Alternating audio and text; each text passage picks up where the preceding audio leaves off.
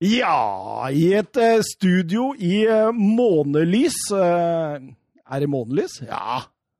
Nei, det, det, det skinner opp utafor vinduet her i hvert fall. Det er lys, i hvert fall. Ja, ja. Vi gjør i hvert fall det samme som Harry Maguire. Vi tar oss en pause fra våre vanlige liv. Ikke for å sitte bak lås og slå, men for å spille inn to timer pluss med deilig fotballprat. Den var vittig, Mats. Ja, nå, nå, Her er jeg forberedt meg. Har du forberedt. Håper du har lagt like mye vekt i Aldri forberedt meg så mye! Nei, vi skal ha Champions League, selvfølgelig. Vi skal ha Europaliga-finalen. Og vi skal innom eh, årets, eller sesongens lag i Champions League skal vi kåre. Og Ja, det var ikke lett. nei, det, vi brukte mye tid på det. Det er som du sier. Hva var det du sa til oss før Nei, Det er jo vanskelig å skille mellom det de har gjort i Champions League og det de har gjort i hjemlig serie. og Det, det, det tar Ja. litt tid, altså. Det gjør det. Du må virkelig gå inn og se hvilken kamp det Ja, ja. var. og sånn. Særlig nå når sesongen har drøyd ut så lang tid. ikke sant? Åh, rykter og gøy. Rykter og gøy, det må vi alltid avslutte med.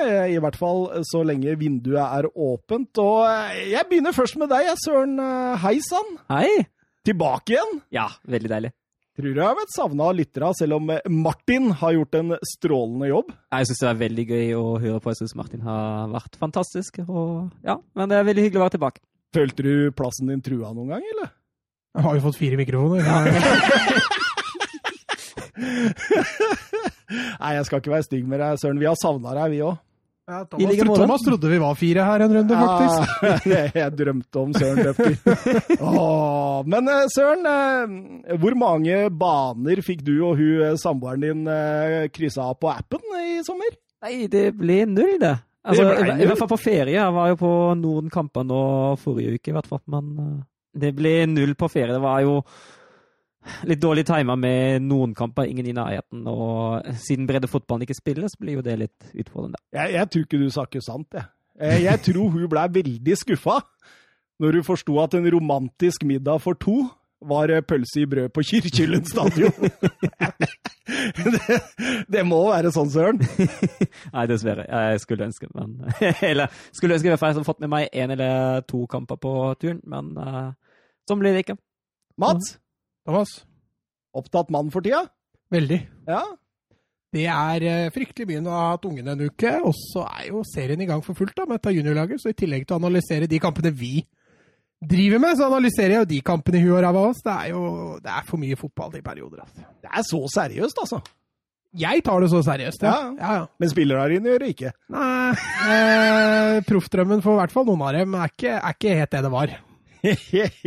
Nei, jeg har skjønt at du er litt opptatt nå. Jeg så også du farta forbi meg i bilen. Jeg sto og vinka til deg sånn der, og du bare dro av gårde forbi meg her. Ja, nei, må rekke alt. Ja, ja. Må rekke alt. Når var det? Eh, når var det? Det var ikke i stad. Nei. Nei, okay. nei, nei, nei. Det var et par dager siden, tror jeg. Ja, ja. Åh. Hvordan går det med deg? Jo, jeg har blitt kjendis. Nei. Ja, jeg blei jo ropt etter på gata her om dagen. Av folk du ikke kjenner? Ja. Oi! 90 minutter! Ropte de 90 minutter! Vi følger dere på Facebook! Så var ville ikke autografen, altså? Nei, jeg tror ikke jeg er så kjendis ennå. C-kjendis. Det, det var litt Stas. artig å få den uh, det, det trodde jeg ikke. Nei. At eh, noen skal høre på oss tre. Ja, så høre åssen du ser ut, liksom. Det er, det er godt gjort. Ja, men de hadde kjent meg igjen fra de konkurransene vi hadde. Oh, ja. Ja, ja, ja. Så selv om jeg er 10 pluss kilo nå i forhold til da, Ja. så kommer jeg sikkert tilbake der. Og Hva da kommer skjedd? det enda flere til å kjenne meg igjen. Men hva sa 10 pluss? Det må vi dvele litt ved. Hva har skjedd? Nei, det er jo denne kneskaden og denne koronaen og sånt da, som har gjort at kroppen forfaller. Ja, ok, ok. Nei, det, det. Jeg, har ikke, jeg skal ikke skryte på meg noe der. Men Søren, du ser stram og fin ut. Ja, jeg føler meg stram og fin, jeg. Ah, det er deilig å være tilbake igjen, og det er deilig å ha deg ved siden av meg, Søren. Jo, takk. I Vi- like måte. Jo, takk, takk. Vi skal eh, over på et eh, Twitter-spørsmål før vi setter i gang programmet. Det er eh, Geir Halvor Kleiva som spør hvor mye godter Thomas seg over United-kapteinens grekerferie? Åh. Først så godta du deg. Ja, Og så fant jeg ut i hvert fall hvorfor han havna. Da, da er det jo ikke så du tenker på det at han forsvarte søstera Ja, si? Det er, det er fair, altså. Det er fair. fair. Ja. Også, altså, samme som Dyer som går opp på tribunen der for å grisebanke han som slenger dritt om broren. liksom. Ja, det er litt fair. Jeg er enig i det. det altså, faktisk så, så steg eh, Maguire litt grann der, men, men samtidig, altså, så, altså Når du driver med vold mot offentlige tjenestemenn, og når du prøver å bestikke dem etterpå med å si at eh, Hvor mye må jeg Jeg er Manchester Uniteds kaptein. Hvor mye skal dere ha? Og, og diverse annet òg, så ah, Nei. Godt her er litt. Litt. Litt Nei, det er litt, det er litt kult. Og så, og så tenkte jeg også på dette jeg, jeg fant jo et par sånne vittigheter om det vet du, som gjorde at jeg kosa meg litt ekstra. Og det var jo det at gresk politi satte jo kausjon til 5000 euro. Søren ler allerede. United bød 3000 euro pluss Will Jones og Jesse Lingard. Ja, det leste jeg òg. Og så, i og med at han eh, var i håndjern, vet du, så fikk han jo endelig tak på litt eh, silverware. Ja, deilig å følge med Twitter på sånne dager som det der. Eh, Ja, men eh, er vi klare, eller? Ja. Mm. Ja, er det. Ja. Veldig. Ah, Har vi sett alt, eller? Ja. Alt. Alle Ja. minuttene. Mm. To ganger òg, eller? Nei, Nei, jeg så finalen to ganger. Jeg er veldig stolt av det. Ja, jeg skjønner Ååå. Åh, vi bare setter i gang, skal vi det? Kjør. Eh, ja.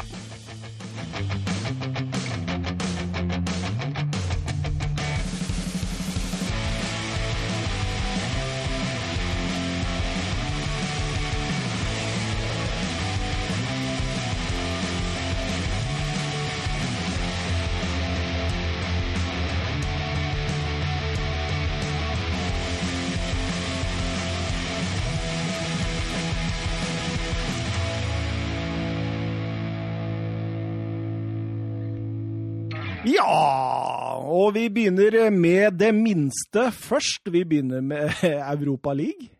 Ja, finalen, da. Ja, men det er jo fortsatt det minste, da. Altså, Ja, ja.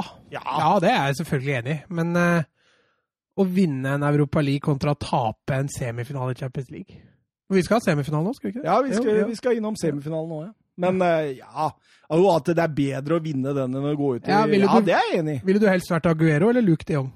Eh, Ti av ti ganger Aguero, tror jeg. Ja, det var så dårlig! Sorry. Vi tar en, vi tar en annen. Ville du heller vært Gundogan eller Ocampos? Nei, Ever Banega! Ever Banega. Ever Banega. Ja. det, var, det var et dårlig eksempel. der.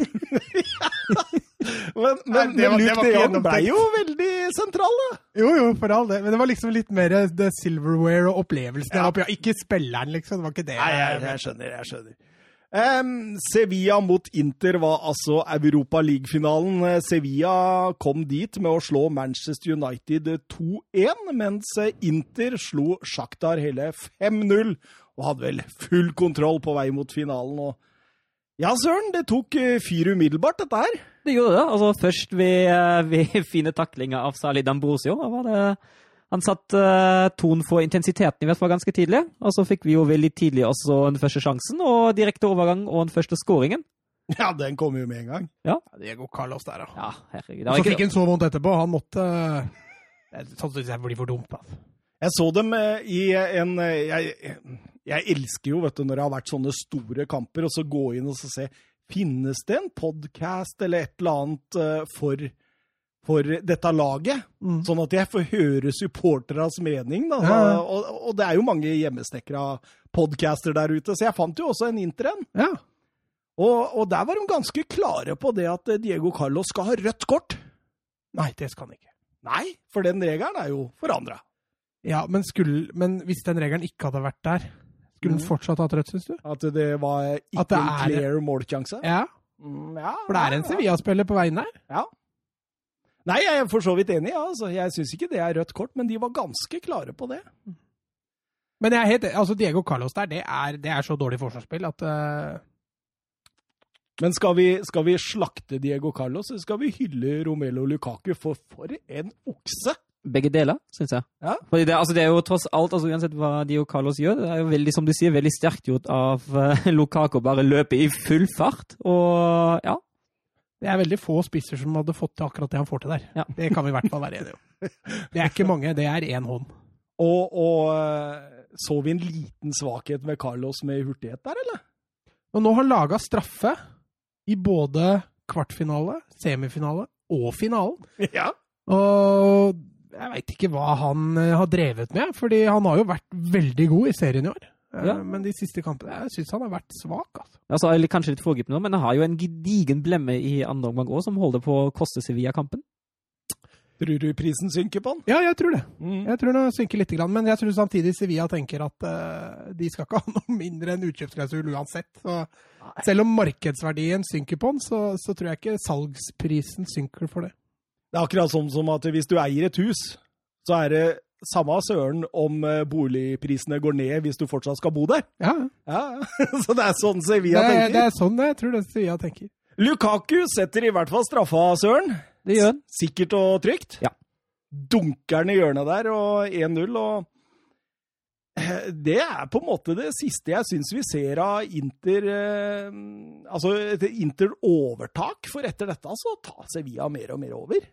Ja, jeg syns de er Altså, de er flinke til å, til å utnytte svakhetene med, med Inters formasjon. De er gode til å overlappe på kant. De har offensiv bekke, særlig Jesus Navas syns jeg spilte en strålende match. Var mye, mye framover. Og så er de veldig gode til å vinne ballen tilbake. De er fine i presset, mens Inter prøver å, spille direkte og satse på kontringer. Men det får de nesten ikke, fordi Sevilla står så godt og gjør en så god jobb i gjenvinninga. Banega. Banega. For en spiller, altså. Og Conte. Ja, ja. Ja, det er helt nydelig. Det er helt konge, den versen. Men, men, men jeg syns at her så er det litt sånn Inter, jeg syns de faller litt for eget grep. Her blir de for passive. De skal etter at det, Jeg tror kanskje at hvis de ikke hadde tatt en så tidlig ledelse, så hadde det blitt en uh, lettere vei eh, videre for dem. Men nå gjør de ting mye verre, for de skal absolutt ligge så kompakt. Gir bort all initiativ til Sevilla, og skal bare ligge og kontre og hakke. Det er en øvelse, det der òg, altså. Ja, og så syns jeg det er litt rart at de går så lavt, jeg. Eh, som du sier, eh, mot Sjaktar så bare peiser de på. Nå er jo ikke Sevilla noe Sjaktar, men, men eh, det er det jo Når de er på det tidspunktet der i kampen eh, Nå kan det hende Sevilla også greide å spille dem litt lavere enn det de ønska, men jeg tror det ikke var gameplanen til Conte. Jeg tror de også heller ikke planla sånn veldig mye for en så tidlig goal, sånn som du sier. Mm. Eh, Men, men når du først har tatt den tidlige goalen, så er det livsfarlig å legge seg nedpå mot, et gode, mot gode lag. Altså. Og du ser de beste lagene nå, når de tar ledelsen 1-0, så er det om å gjøre å ha ballen i laget hele tida. Mm. Det er jo veldig på vei ut, egentlig, dette her med å, å safe den inn og legge seg bak og kontrollere. I hvert fall over lengre perioder i en fotballkamp. Ja. Og nei, du så Inter sleit med akkurat det der, og spesielt i første omgang. Ja, fordi 1-1 det er jo tatt ut av Lopetegis lærebok for hvordan du skal angripe, egentlig. Ja, der kommer jo da Navas da, på et herlig løp eh, rundt på kant, og, og de Jong med et veldig smart, godt løp. Eh, nå så jeg ikke hvem stopper det var som sovna. Godin. Ja, så vi jo de luxe. Det er litt sånn som eh, Litt sånn som du så Åh, nå var det nesten like goal. Hvem kamp var det igjen? Mm, Var det- er er er det mange Er fotballkamper. Er det Barca-matchen jeg er tilbake til når le sovner der? Det kan godt hende. Ja, det kan godt hende, ja. Eh, Og Lewandowski sin. Ja, men Luke, Luke de Jong sniker seg først inn bak, og det ser jo ikke det går inn. Og så plutselig kommer han i 100 på første, og så er det så steinhard den headinga at uh, Andanovic har ikke kjangs. Luke de Jong, han er jo ikke Altså, det var en Siri som spilte mot United. Jeg så de hylla Lopetegi i Alsaker, var kjempefornøyd med det byttet der. Eh, Det er klart, når du kommer inn og skårer to mål, så, så er det jo vanskelig å ikke tenke at det er et genistrek. da. Genitrekk. Inter via straffe etter 16 minutter. Barella skyter ballen rett i en Sevilla-hånd, og da er det total fyring på sidelinja med han lille italienske manageren. Han kom til han var i fyr og flamme. Fra og med den situasjonen der, helt til pause, så var jo han helt oppunder Men taket. leser dere hvorfor han, eh, hvorfor han blir så sur? Sånn til slutt? Fordi Banega, Banega kom og det var jo den jeg hinta Ja, til i ja. stad, jo. Banega kom til. Kommer Han forteller eh, lytterne av det, da, hvis du ikke har fått med Ja, nei, Banega kom jo bort til Conte. Jeg husker ikke når det var i kampen. Det han Nei, kom det er jo 15 bort- minutter, det var etter den Ja, var situasjonen. Ja, ja, ja. riktig. Så spør han Conte om, han, om det er ekte hår, eller om det er en Oi, du For å være helt ærlig, så tenk, har jeg tenkt det samme. Ja, men det, er, jo... Fordi han var så jækla tynn i håret når han var spiller. Det der er ikke ekte hår. Han har jo bare blitt tjukkere og tjukkere i manken. da, gått med åra. Er liksom, han, han tok samme medisin som eh, Wayne Rooney, tror jeg. Medisin. Ja, ja. Eh, visste at eh, Rooney har tatt sånn Ja, ja. hår, håremiddel. Det er flere som har gjort det. Jordan Letchko, blant annet, og Søren Dupker. Vi, vi, vi fortsetter eh, videre. Altså, Inters hovedfokus nå er jo overganger. Eh, Mot eh, etablert så bruker de bare tid og e- egentlig veldig lite eh, gjennombruddshissig. Eh, bruker veldig liten risiko. Sevilla de smale kanter, høye bekker, kommer rundt på kant og, og, og kjører jo hele kampen. Ja, unntatt den ene sjansen som Dambrosio hadde, etter 18. Den syns jeg er egentlig ganske stor. Han bommer jo fullstendig etter innlegget fra Yang, men utenom det er jeg veldig enig. Og 2-1 kommer Mats.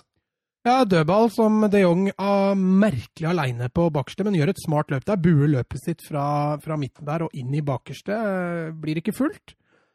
Så trekker han seg egentlig litt i headinga der, for det er ikke clear heading det han driver med der, men det får en perfekt bue i lengste bak Handanovic. Så egentlig en kjempefin scoring. Men for meg så ser det ikke ut som det der er planlagt eller med vilje. altså. Og Ashley Young der, da, som står igjen. Han Ja, står han igjen med. der. Altså, de Jong lurer Jong, er det lov å si, er det, lov å si det? Han, han står igjen inni den der halvsirkelen utafor 16-meteren når ballen går i mål. Mm. Og det var han som hadde de Jong. Det er deilig når du finner ut det på reprisen, og så er det Ashley Young i tillegg. Oi, oi, oi. Eh, men eh, rett etterpå 2-2. Godin. Ja, nok et frispark, og ja. Han rydder litt opp for feilen han gjorde før 1-1, i hvert fall. Knuse Diego Carlos i lufta der. Ja. Han er eh, brutalt god på, på offensiv dødball, var det i Atletico. Har ikke vært så god giftig foran mål for Inter, men eh, der viser han i hvert fall hva han kan. Og da går vi til pause, da. Og og jeg var i hvert fall i fyr og flamme da. Jeg tenkte for en fotballkamp vi har vært vitne til. Ja, jeg syns det var veldig gøy. Det var veldig underholdende, og veldig sånn utypisk finale, egentlig. At uh, i 100 egentlig nesten var satt. Jo, men det fyrer så fælt tidlig. Mm. Altså, du får dommeren der. Det er noen tvilsomme dommeravgjørelser, og du har da et trenerapparat som virkelig fyrer på alle sylinderne tidlig der. Og det ser jo alle spillere. Skal ikke kødde med håret, vet du. Ja, ja, men det smitter over på spillere. Ikke håret, da, men, men uh, energien Conte har der. Han er voldsomt gira på å få dette her, og Ja, nei, det, det, var, eh, det var en virvelvind da, den første gangen. Men er det fair å si at Inter er best i andre? Ja, det syns jeg. Jeg, te jeg tenkte faktisk samme tanken. Jeg skrev ned at Inter hadde lette fordeler i andre, mens uh, Sevilla var best i første. Og jeg, jeg syns det. Ja, for kampen blir ikke like bra i andre omgang. Nei, Og så blir den ikke like intens. Nei, Det blir ikke det samme tempoet, det samme jaget. Eh, og ja, det er som du sier, kanskje Inter tjener litt mer på det. Ja, Gagliardini har jo en sjanse der som Diego Carlos blokker, og, og Lukaku har jo en alene mot Bono etter 64. Er det er det lov for å si at han avsluttet det dårlig? Altså, jeg skal ikke ta fra, noe, fra Bono noe godt keeperspiller, for han gjør det jo det han skal. Men jeg syns den avslutningen kommer jo nesten rett på en H. Ja, det er ikke noe strålende avslutning. Han Hadde en grei match mot United òg, han derre Bono, ja. Bono, ja. Han eh, lead singer i U2. Vokalisten. Trodde han var 70 år, jeg, men Det var så mange vitser på han etter den matchen. Var, var det det, Det eller? var så mange som hadde noen vitser på det der. Men han har jo vist seg å være egentlig bedre enn eh, Thomas Hartlig. Ja. Han har vært strålende. Ja, det har vært fantastisk. Sånn, Girona-keeperen. det er jo nydelig vet du, når liksom annenkeeperen din eh, viser seg. Ah, han er bedre, han! Han er jo leid inn, tror jeg, Han er leid inn, ja. fra Girona. Oi, oi, oi. Da jeg, jeg har ikke lest at han er blitt kjøpt ennå, men Da blir det kamp om han i så fall. kan hende at det der var et strålende utstillingsvindu. Eller det var et strålende utstillingsvindu for eh, Bono. Men eh, Søren Døpker, eh, siden du har vært eh, borte i en, tre episoder nå, så kan du få æren av å gå og ta oss gjennom seiersmålet. Ja, det var jo, det var jo herlig. Det Det var nydelig. Ja, Ny dødball. Den blir klarert ut. Jeg husker ikke helt av hvem der, men den klareringen blir jo dårlig og havna hos Diego Carlos. Og han prøvde seg jo på et brassespark allerede etter 10-11 minutter der, og han prøver igjen, og denne gangen treffer han mye bedre. Og så går han i foten til Lukaku, og derfra i eget mål. Og jeg tror ikke den hadde gått inn uten Lukaku. Det hadde nok ikke. Det er derfor det blir kreditert eh, selvmål der. Så. Det er synd at Mm. han må innom Lukaku der, ellers hadde det vært en av tidenes uh, finalemål. Ja, utvilsomt. ja, det var litt sånn Bale, da, men uh, ja. Eh, Inter, etter dette, jeg syns de mangler den sluttspurten, selv om de får den store dobbeltsjansen der mot slutten. Mm. Det er ikke det trøkket, vedvarende trykket, for å få skåringa. Syns uh, Lopetegi der og Sevilla viser litt sånn taktisk klokskap. Altså, da det- ser de kampen litt ut. Men dette er to lag som har vært veldig gode defensivt i hele år. Også da at det står 2-2 til første omgang her, var jo veldig overraskende. Men når Sevilla etter 75 får den 3-2-goalen, eh, så føler man liksom at nå Dette greier dem.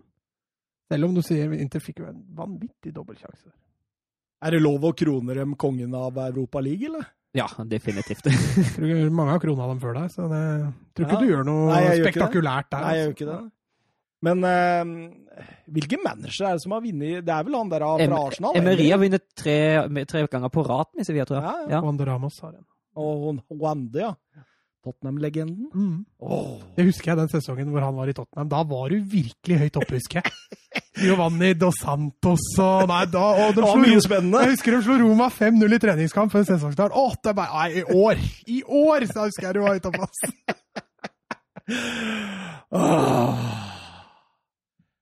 Sevilla dedikerte seieren til eh, José Antonio Reyes, Reyes og Antonio Puerta. Mm. Det var fint. Det er alltid hyggelig, det.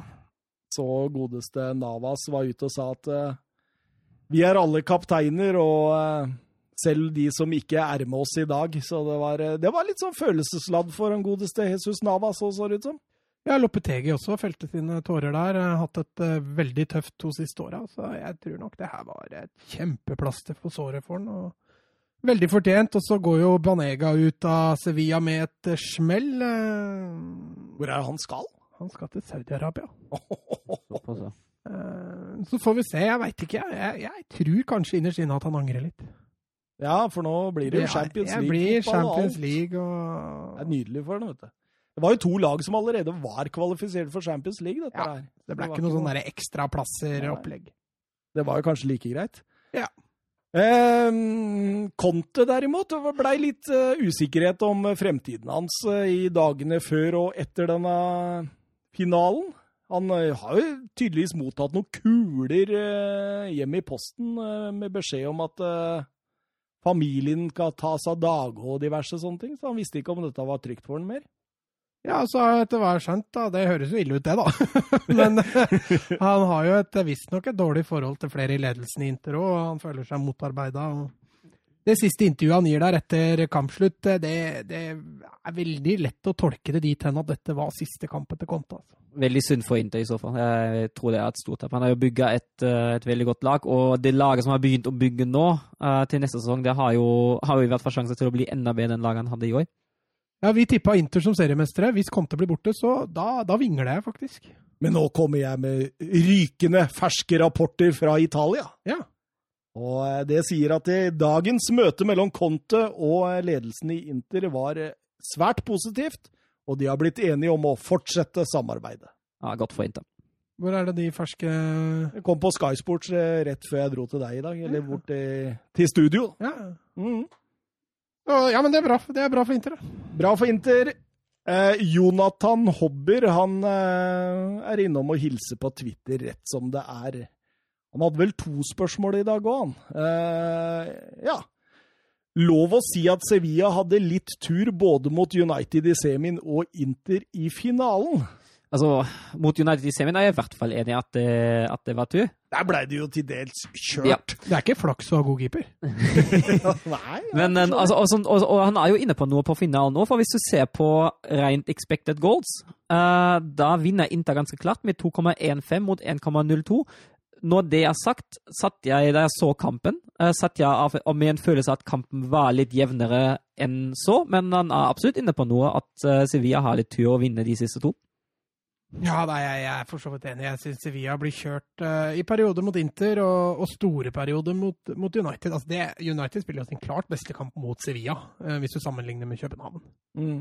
Eh, og, Og egentlig de siste i Premier League òg. Det gikk, har jo gått litt trått. ja, det, det var et stort steg i riktig retning Ja, det der for United mot Sevilla. Så det var litt, litt vemodig for United å ryke på, ryke på den der, men uh, gode lag har ofte medgang òg, da. Sånn er det. Sånn, Sånn er det. Eh, Veldig trist at Manchester United ikke kom seg til finalen. Hadde de gjort det, så hadde ikke Harry Maguire dratt til Hellas, vet du. uh, tur i turen, holdt jeg på å si. Tur i turen? Tur, tur i turen. Utur i uturen. Uturen i- jeg, jeg hørte forresten at det var flere av disse United-gutta som var nede med Maguire der. Med søstera hans?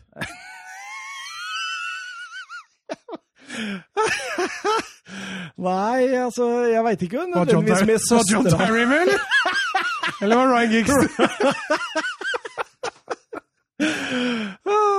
Eller hvor har du vært i siste, Søren Døpker? Bergen, Stavanger, Trondheim.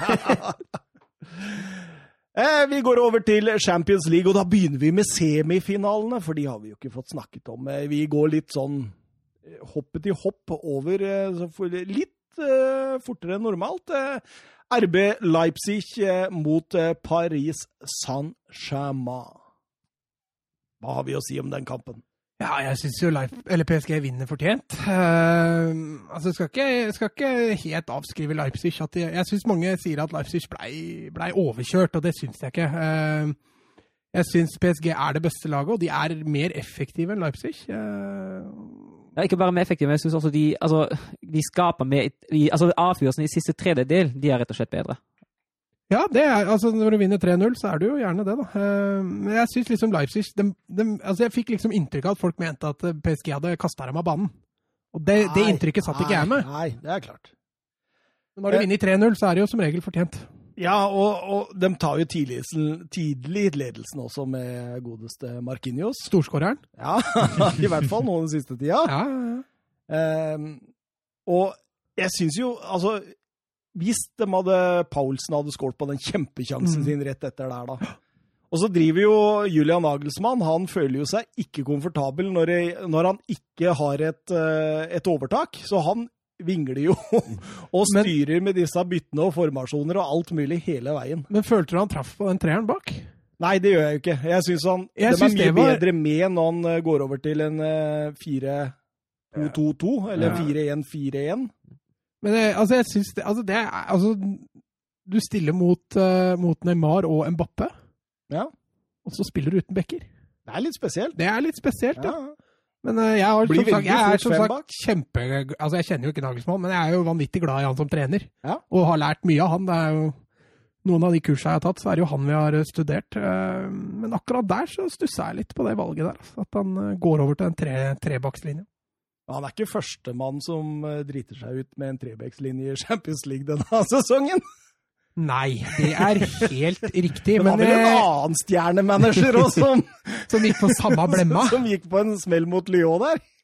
Men eh, nei, jeg syns han bommer litt der. Også når de justerer litt, så føler jeg de får litt kontroll på matchen. Men som du sier, han vingler veldig i den kampen. altså. Og så er det jo sånn, når Di Maria skårer der tre minutter før andre omgang, Ja. Da er det liksom åh. Litt spikeren i kista. Det blir litt sånn, og det er Gulashi som Hva er det han driver med der, Søren? Ja, det, og det er jo ikke første gang. Han hadde jo, hadde jo nesten calla til én til før. Da han uh, slår han vel i hånda til Neymar. Han slår i hvert fall dårlig ut, og så havner han til slutt i hånda til Neymar, så blir det annullert. Men uh, det var jo allerede ganske nei. og altså, Adio, det, det, er jo, det er et resultat av PSGs høye press og gode press. De er, jo, de er jo ekstremt gode i å presse Leipzig når de spiller seg ut der, men det er ikke noen unnskyldning til å, til å gjøre det der. Eh, det var jo rett og slett dårlig, dårlig utspill av keeperen, og så nydelig flikk videre av Neymar. Ja, for den flikken, den er litt underkommunisert, syns jeg, den flikken til Neymar der. Men den er genial. Ja, Det er så klasse. den den er helt vill, faktisk. Den er eh, helt strålende. Og uh, Di Maria hadde jo en svært god fotballkamp. Igjen. Han har vært meget solid denne sesongen.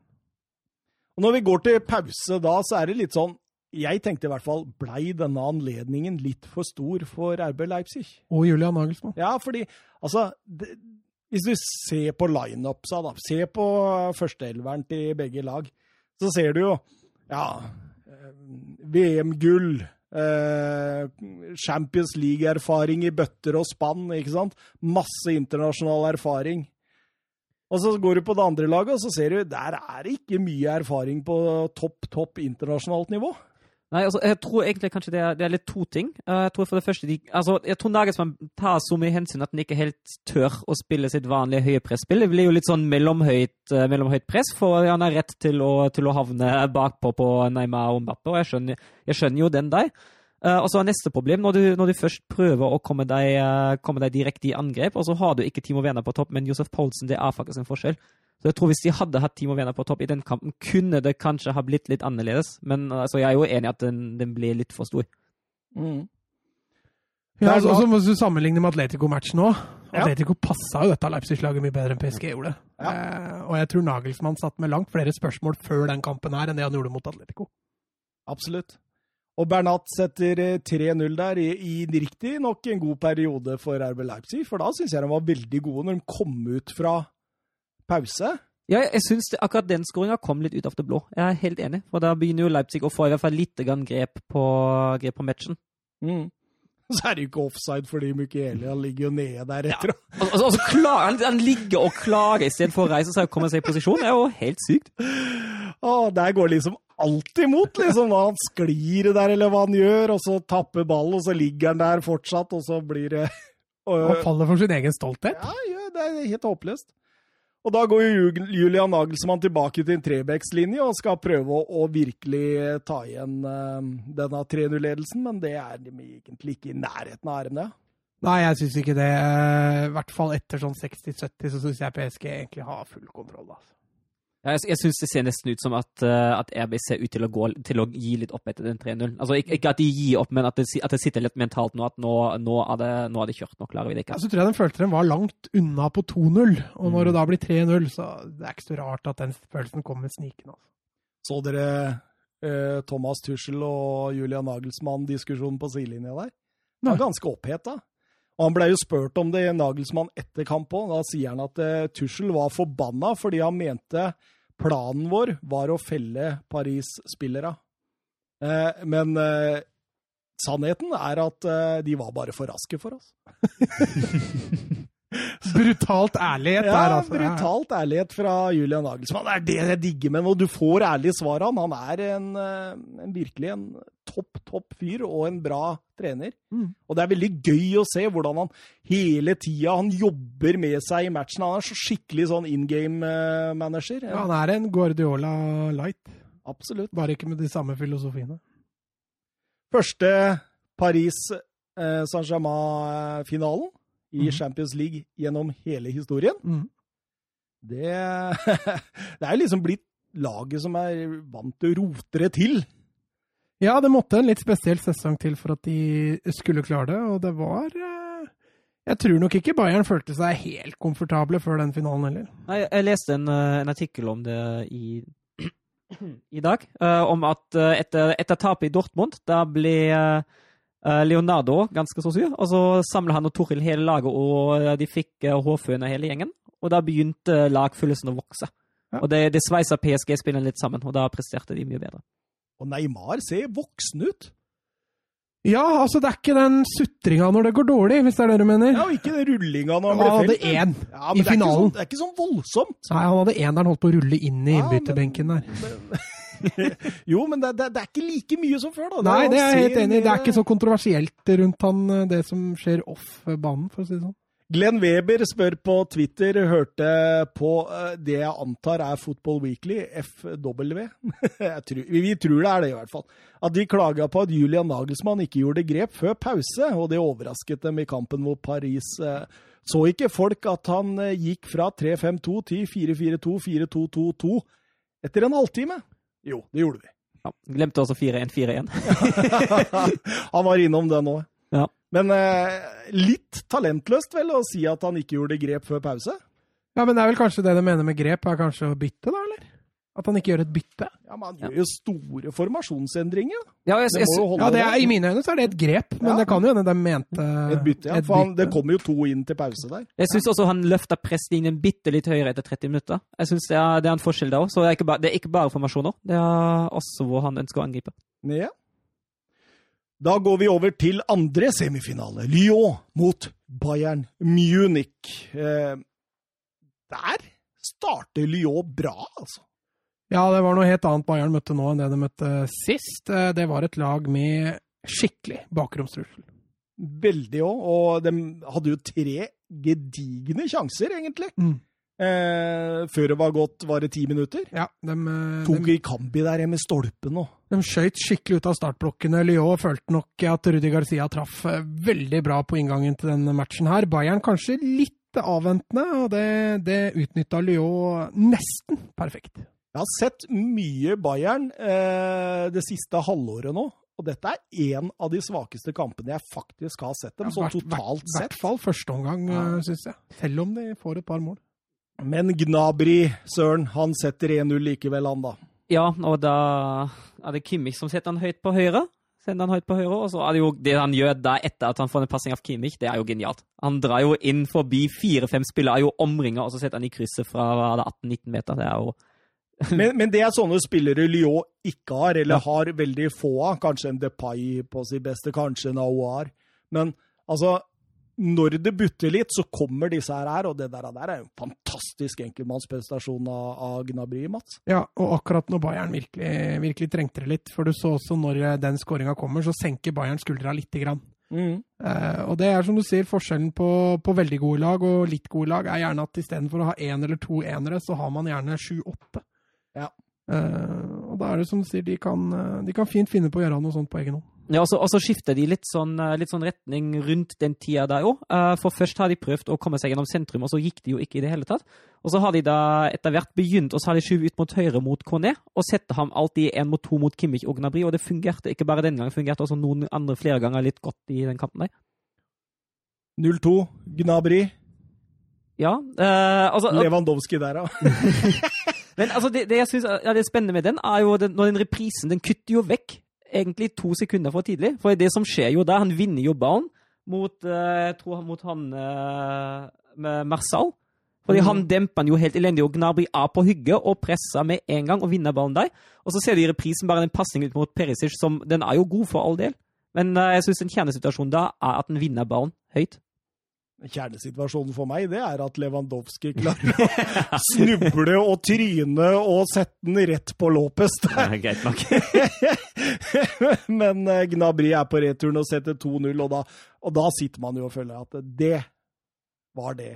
Da er det Ja, det var jo litt spikeren i kista, men, men jeg syns også Lyon prøver litt utover i andre gang. Noe av det jeg savna med det Barca dreiv med når de havna litt bakpå mot Bayern. Eh, Der var det en voldsom resignasjon. Den så du ikke helt i Lyon. Eh, Samtidig som Bayern spilte vel ikke en eneste gang på 100% i den kampen her, tror jeg. Nei, jeg er veldig opptatt av utover i annen omgang der å ikke ha det store rommet bak seg. Og når, når du på en måte skal tette det rommet, da, så blir det jo også Det går litt utover det offensive. Det ser du med en gang når de senker eh, fireren sin bak. Ja, du snakker om Lyon, du nå? Nei, jeg snakker om Bayern München. Ja, OK. Når, når- de senker forsvarsfireren sin lavere, så ser du at det automatisk går veldig mye eh, Altså at det hemmer angrepsspillet deres, da. Ja, til, det- til jo. Ja, men til, til, til Bayern München, Ja, ja, sånn. ikke sant? Ja. Fordi de er jo så veldig opptatt av korte avstander, stå høyt og være veldig kompakt med laget. Altså det, det er jo sjelden man ser fotballag i dag som ligger med så små avstander fra eh, la oss si Boateng til Lewandowski. da. Mm. De er ekstremt kompakt. Men med en gang du senker det, så senker du jo all det, det høye presset, den intensiviteten, og det er det det går med på i annen omgang. At den spiller litt mindre på risiko. da. ja, jeg er helt enig. Åpenbart eh, respekt for eh, Lyons eh, counterattack. Ingen tvil om det. Tror du også de tok litt hensyn i forhold til at de følte de var i finalen? At de skulle spare litt eh, powers? det. Det kan godt hende, altså. Sånne rutinerte lag gjør gjerne det. Mm. Og det måtte jo Lewandowski han, han kunne jo ikke ikke skåre, han heller. Nei, han har vært på skåringslista både i åttendels og kvart, og nå, nå semien, og han avslutter jo der eh, to minutter før slutt. Så Hans 15. mål på ni kamper i Champions League. Altså, altså ble han altså toppskårer i Bundesliga, i den tyske cupen og i Champions League. Det er det ingen som har klart før i serie, cup og Champions League. Nei, Og hadde han hatt to kamper til i kvarten og semien Han er bare to mål bak rekken til Ronaldo. Jeg er litt redd for at han eh, Eller redd. Altså, jeg tror kanskje han kunne vært oppe og nikka på den. eh. Hadde han, Han fått to eh, kamper til. Ja, ja. Hvem hadde de mot det vært- Barcelona-laget det Ja, det hadde jo vært mot Barcelona og mot uh, Lyon. Lyon, det da. Ja. Mm. Kunne fort skåret to mål der, han. Mm. Eh, Hansi Flick han sier eh, etter kampen at vi visste det ville bli vanskelig. De er sterke taktisk, og de skapte problemer på oss, eh, spesielt tidlig i kampen. Vi visste vi måtte forsvare oss bedre enn mot Barcelona, og vi kunne ikke gi bort ballen i så farlige posisjoner. Da ville vi blitt straffet. Ja, han, jo, han er jo litt inne på det her. At det er en respekt for Lyon og det med bakgrunnsfotballen som, ja, som kanskje ikke City tok helt på alvor, og som Som også Ja. Men uh, tror du Lyon greier å beholde mye av stjernene sine? Antosar han har vel gått alt? Han har gått. Awar? Ja, Dembélé? Han, han bør gå. Dembélé er vel jakta United. Depay? Depay, ja. ja. Og så han derre Ryan Sharkey som kom inn. Det første han gjør, er å pisse på, på Alfonso Davies. Det er helt nydelig, ass! Han er 17 år og to dager og kommer inn på banen der. Og så drar han den dragninga og vendinga forbi. Nei, var... Yngste spiller i knockout-fasen i Champions League i historien. Mm. Og kommer bare inn og bare pisser på Alfonso Davies. Ja, det var, det var vakkert. Oi, oi, oi, oi, oi. Vi har et eh, spørsmål her òg. Har vi noe mer om denne kampen, eller Søren? Nei, ikke på min side. Cherky skrev forresten kontrakt, eh, ny kontrakt nå, til 2023. Det var godt av å være litt i Lyon nå, vet du. Ja, vel, det var grunnen til at jeg sa det. Lyon skal jo ikke spille Europa neste år. Nei, stemmer. Og Rudi, Gar Rudi Garcia kom jo inn der og løfta dette fra å være på nedre halvdel til å For det var Sylvinio? Ja, stemmer. stemmer. Ja, ja, ja løfta dette, og de havna vel til slutt på sjuendeplass. Ja, og så tapte de cupfinalen i straffekong mot PSG. Ja, så de er altså ute av alt som er av europacuper. Og hadde sesongen fått lov til å fullføre der, så hadde Lyon i hvert fall fått Europaligaen. Ja. Det er jeg ganske sikker på. Hobber lot meg imponere av Lyon. Hadde de fått et tidlig mål mot Bayern der, tror jeg vi kan fått en helfransk finale. Tror du La oss si Ekambi ikke satt den i stolpen. Han satt den i mål. Eh, tror du Altså, sjansen hadde jo økt, men tror du vi likevel at det hadde gått, eller tror du da Bayern hadde stramma opp, vist hvem som var sjefen?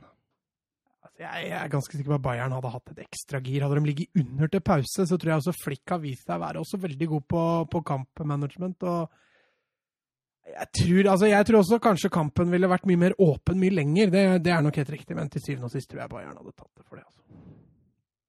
Hvis de hadde skåret på alle tre? Hvis Bayern hadde gått til pause med 0-3 der, da kan det hende at de hadde dratt til Thailand. For uh, Lyon på kontringer er ikke, det er ikke noe å kimse av det. altså. Jeg, er helt enig med deg. Dette Bayern-maskineriet her, det er eh, en av de bedre årgangene vi har sett i Champions League-historien i nyere tid. Det er jeg ganske sikker på. De ville ha kommet tilbake både på 1-0, og jeg tror nesten jeg hadde trodd 2-0 òg. Altså. Men ikke 3? Nei, det blir for tungt. Det blir for tungt. For Lyon er ikke noe dårlig defensivt fotballag. altså. Nei, og så har de disse kontringene sine. da. Altså, hvis de først kan ligge bakpå og være komfortable og kjøre kontringer, sånn som à la City, så kunne det fort ha blitt en artig fotballkamp, det òg. Ja, godeste Pep, han fikk kjenne på det, han.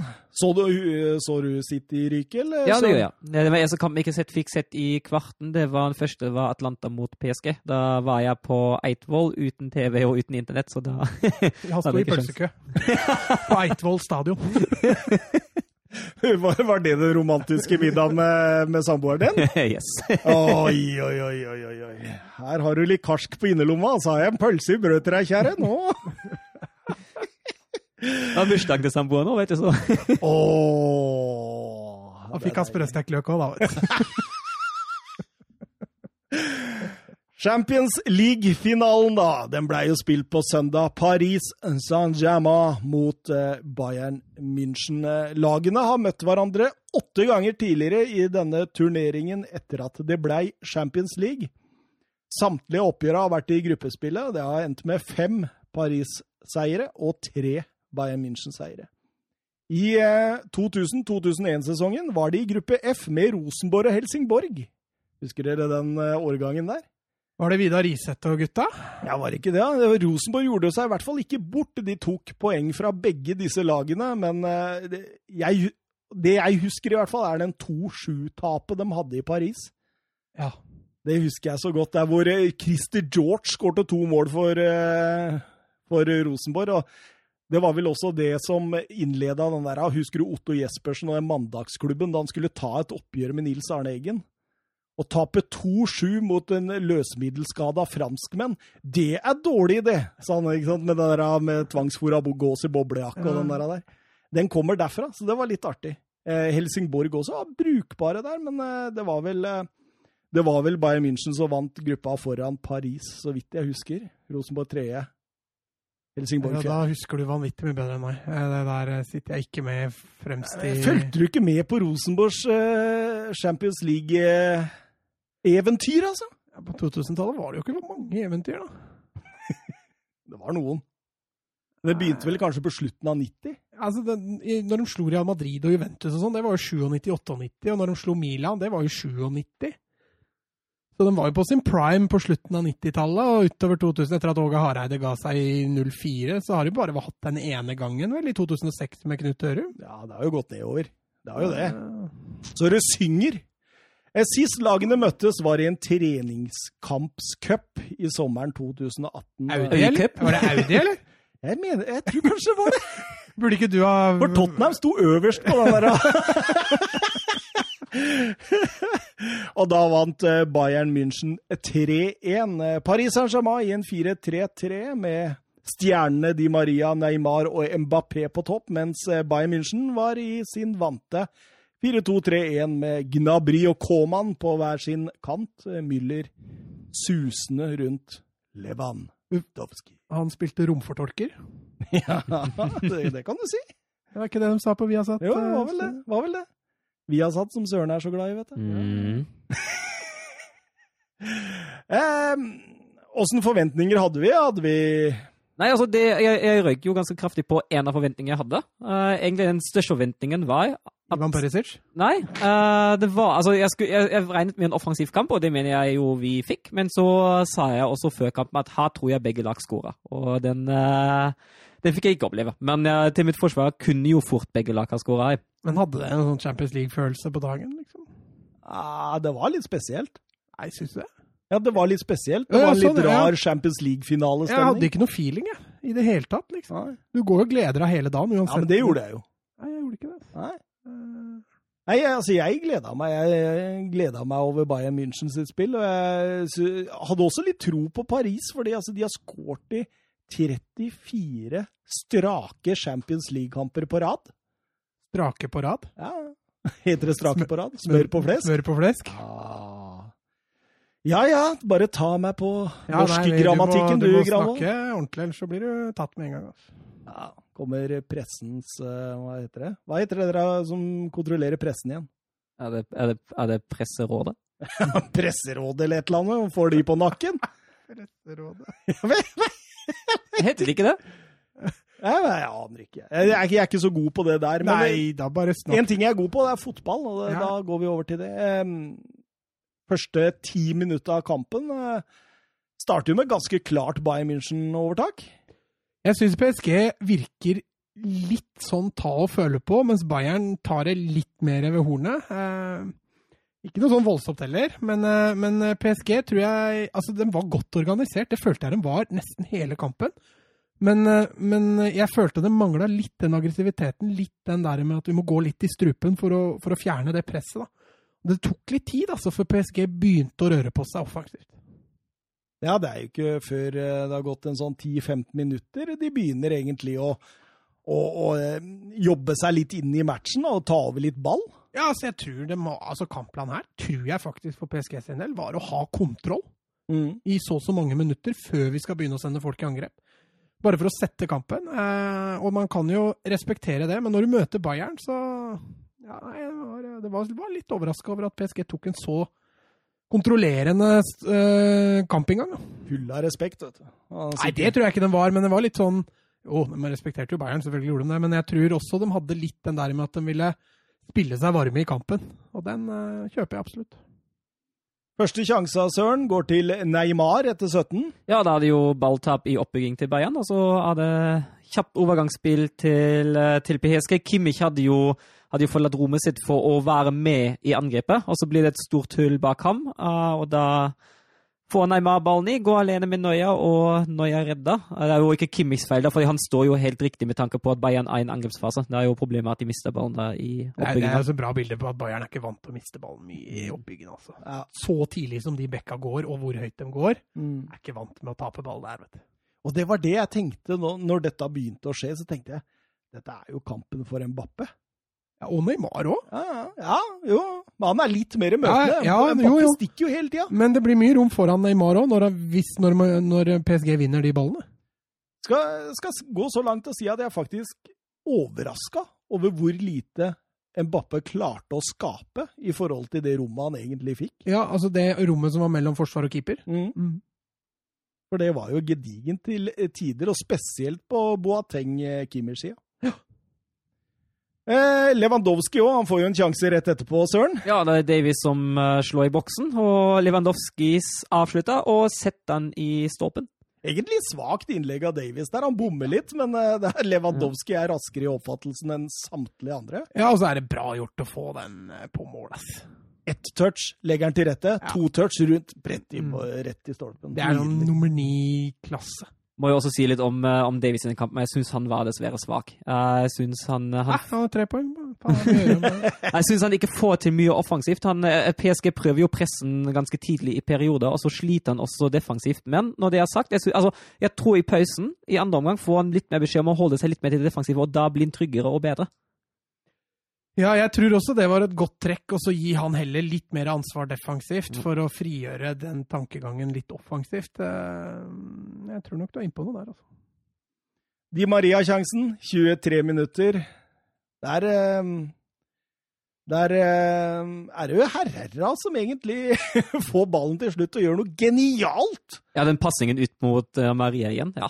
Stikker den inn bak der igjen. Det var veldig Ja, jeg tror. Bayern-forsvaret tror jeg ikke tenkte det i det hele tatt, at den skulle tilbake igjen. Nei, det var nydelig. Og Di Maria, hadde han fått den på riktig bein der, så hadde det blitt eh, større sjanse. Eh, blåser han over med høyre der. Eh, det er jo venstre Di Maria har sin forse. Og så må Boateng ut og Syle inn pga. skade, men det svekker ikke Bayern voldsomt, for jeg syns jo Boateng er en av de som Jeg tror vel Syla hadde starta hadde han vært i 100% kampform. Ja, og, og så var det jo den kampen i Lyon. Han var jo Boateng også ute etter pausen fordi han hadde en sånn liten muskelgreie og Flick ikke vil risikere noe. Men så var han jo litt rusten mot Lyon. Det så man jo at han ikke var helt på 100 da, og var nok tryggere for Flick og heller starte Boateng. Men jeg er helt enig, jeg syns Syle gjør en eh, formidabel jobb bak der. Og på denne perioden her er jo Paris klart best. Ja. Da kjører vi jo og er flinke til å variere presset mellom høyt og lavt. Og, det, og Bayern München får jo ikke flyt i angrepsspillet sitt i det hele tatt. De får ikke involvert Thomas Müller i særlig grad. De får ikke kommet seg rundt på kantene. de Altså, jeg syns da er det egentlig full kontroll baki der fra, fra Tiago Silva og gjengen.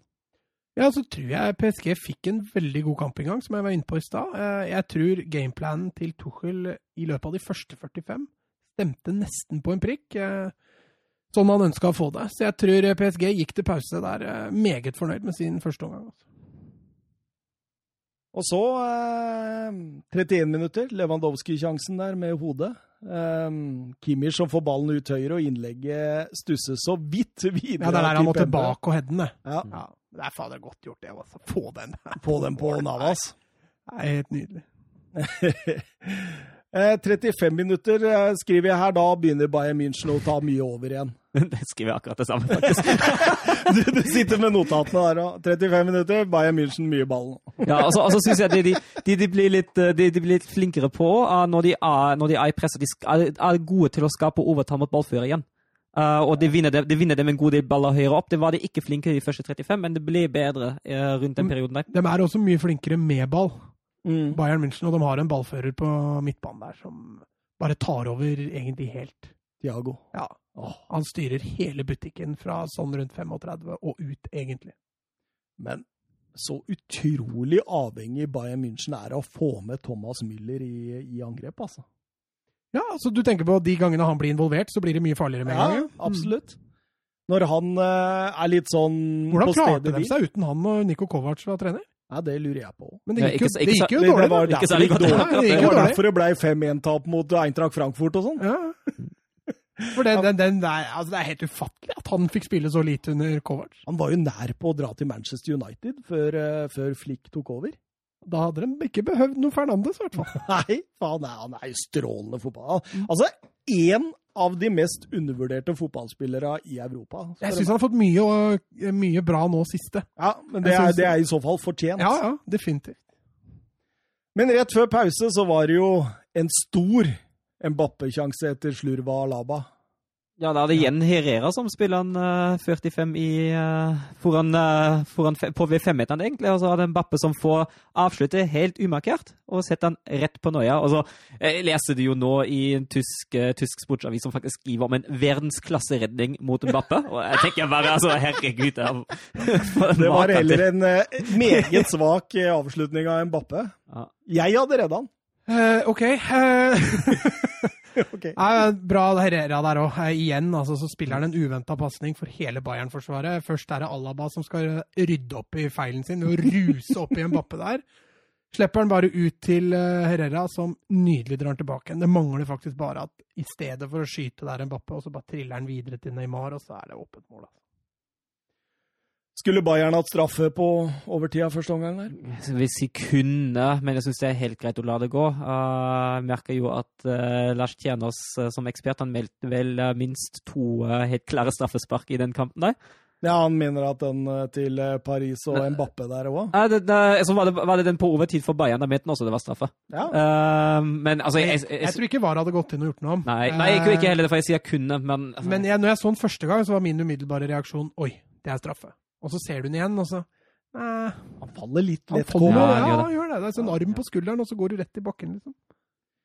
Så går vi til annen omgang. eh, Fra 45 til målet, så er det jo veldig lite som skjer. En stillingskrig, rett og slett. Bayern har mye ball, da. Ja, det er det. Eh, det, jeg føler de kontrollerer ballen i store deler av den. eh, Av Men den produserer jo ingenting. Nei, men det er lite det, Jeg syns ikke det er noe trøkk i bevegelsene til Bayern i den perioden heller.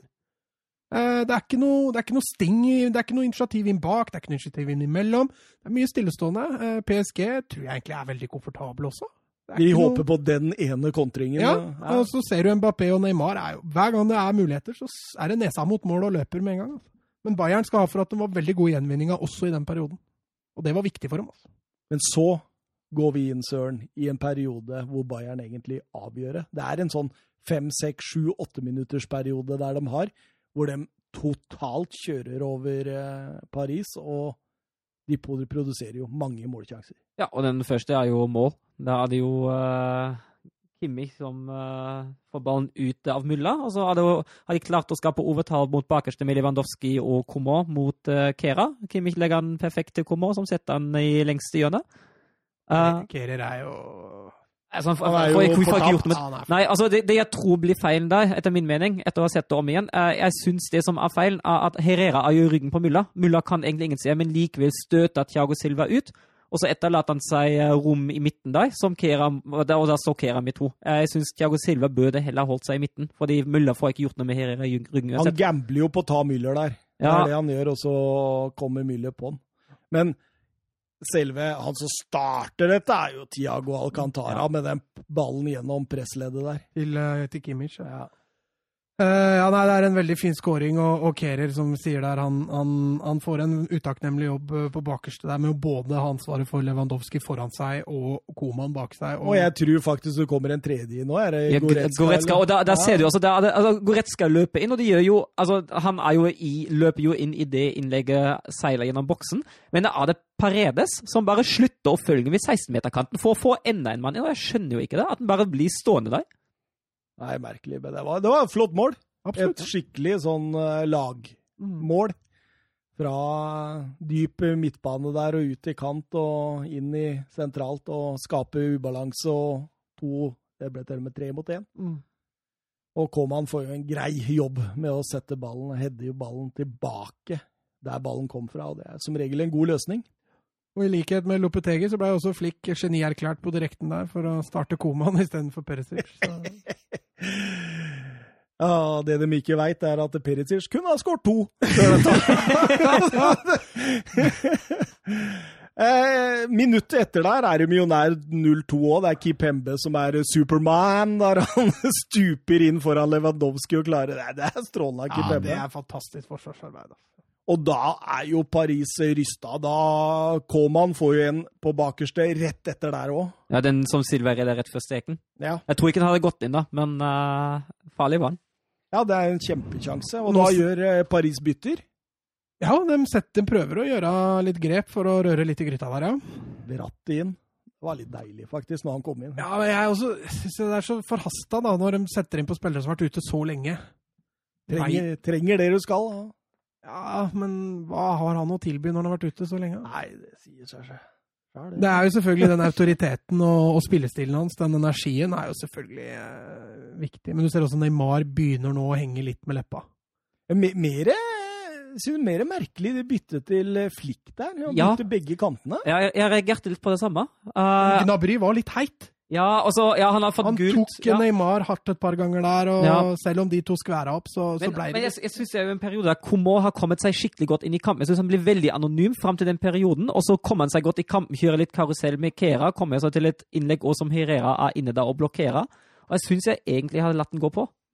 Ja, For semifinalens store spiller Gnabry, han var jo egentlig svak i denne kampen. Men eh, jeg tenker jo Perisic bytte er enkelt å forsvare i form av at du får mer defensiv, defensive Det er fibre. nok det han tenker. Ja, men det Coutinho-byttet, den, den er jo litt mer sånn Han skåra riktignok to mål da, men, uh, i forrige kamp, men uh, når du da setter inn Coutinho, så får du ikke mer defensiv fibre der. Alle skårer to mål mot Barcelona, vet du, Mats. Nei, ikke eh, Lewandowski. Men eh, Paris Saint-Germain de får da en sjanse. Markinios. Igjen! Igjen. Storskåreren. Han har dob er dobbelt, da. To mål han i sluttspillet. Neymar har null. Verratti bruker Di Maria i bakrom der, og eh, Eh, Nydelig tunnelinnlegg av Di Maria mot Alaba, da. det er fantastisk gjort av Di Ja, Maria. men det er kreativiteten hans. Altså. Den er helt nydelig når ting glir. Fin bein beinparade av Noyer. Det må man kunne si. Ja, kjemperedning, faktisk. Verdensklasse. Og da begynner jo Tussel å ta litt eh, mer eh, altså offensiv grep, da. Altså setter inn på Draxler for Herrera. og så kommer jo straffesparket, da, eller det som skulle kanskje vært straffespark, eller det som ble diskutert, eller det Kjernås sa var straffespark, jeg veit ikke! Mbappe og Kimmich-duellen. Han er borti den der, altså! Han er det. Eh, jeg syns nesten den er litt mer tvilsom enn den forrige, faktisk. Mm. Eh, det er ikke mye som skal til når du har fart, og så få den lille ut av Og så er Mbappé er sliten der, og han går ned i knestående rett etter den løpe, løpeduellen der. Og da sier Øyvind Alsaker Disse 20 minuttene vi kommer til nå Jeg Hører du både på Kjernås og Alsaker? Ja, jeg gjorde det. Oi, åssen er det? jeg ser, kampen Sitter du og switcher? Å ja, du så Å ja, smart.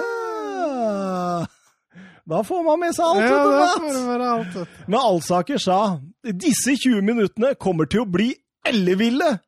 Så feil kunne han ta. For nå er jo egentlig Bayern München mer opptatt av å spille med lav risiko, senke laget sitt litt mer, ha ball i laget, og det kommer jo ikke noe press fra Paris. Nei, og når midtspissen de da setter innpå for å få mål, er Choupo-Moting, så Hva gjør hva, Icardi? Hvorfor ikke? Ja, det kan du jaggu lure på. Og jeg etterlyste en, en nummer ni, for de spilte jo med Neymar som en skal vi kalle det en falsk tier. Ja. Eh, eller falsk nier, om du vil. Eh, og du ofrer Di Maria, da, kanskje, kanskje den mest kreative spilleren du har, for å få på plass en nummer ni. Jeg, jeg tror jeg heller ville hatt han i tillegg til. eh, på en periode som er nå, for å, for å klare å skape overtall på Bayern i, eh, i balanse. Det, er, det krever noe ekstra. Det gjør det. Og en Di Maria på banen, det, det tror jeg hadde vært ganske viktig for å få til det. Selv om Neymar kan gjøre det helt utroligste. Altså. Men jeg men, mener herfra og ut Så det er sånn fotballens ABC om hvordan du ser ut en kamp med best eh, eller lavest mulig risiko. Ja, Mourinho satt nok og nappa Ja, det nappa, nappa hva, Mats? Ja, Nagelsmann. Det verste jeg har hørt! Vi er en seriøs podkast, Matt! Kan ikke si sånt! Søren, du ser han er, han er rød i trynet! Han er ukomfortabel, Søren! Nei, ja, det er helt fint, ja. Ja, men det jeg tenker på, det, altså, altså de stykker opp, drar ned tempo, spiller ikke på seg overganger i det hele tatt, og hvis man gjør det, så river man ned spilleren med en gang. Altså, det, er, det ligger ekstremt kompakt. De taper ikke ball. Det er, det er, det er ABC. Mm, Det er disiplinert, og det er kynisme på, på akkurat det nivået man, man må få til på det, i en sånn kamp som dette her. Og Bayern har vært i disse situasjonene mange ganger tidligere. PSG åh, altså, Det går ikke an å sammenligne den franske ligaen engang, så Nei, Bayern fikk de siste 20 minuttene akkurat som de ville. En sånn halvsjanse på overtid der med Neymar. Hvor Mbappe spiller Neymar, men det er jo vanskelig å få til noe skikkelig Og så vinner ikke bytte ut Mbappe der. Oh, han er så sliten på slutten. Altså, Han har knapt nok krefter til å løpe. altså. Og da var det jubel i stua, eller søren? Eller bryr deg ikke om uh, Bayern München vinner? Nei, Jeg syns jo det var gøy at det var et tysk lag som vant, men jeg hadde ikke grått i meg i søvn hvis det var PSG som vant heller. Men uh, jeg holdt jo litt med Bayern. Jeg sa det i juli i fjor, ja, Mats. Bayern München vinner. Du traff. Ja, Du, jeg traff. du Du- traff, men du traff med feil trener. Hadde Kovac fortsatt sittet, hadde jeg aldri blitt uh, Ja, altså På en måte så har han feil, nemlig. Ja. Sånn, sånn,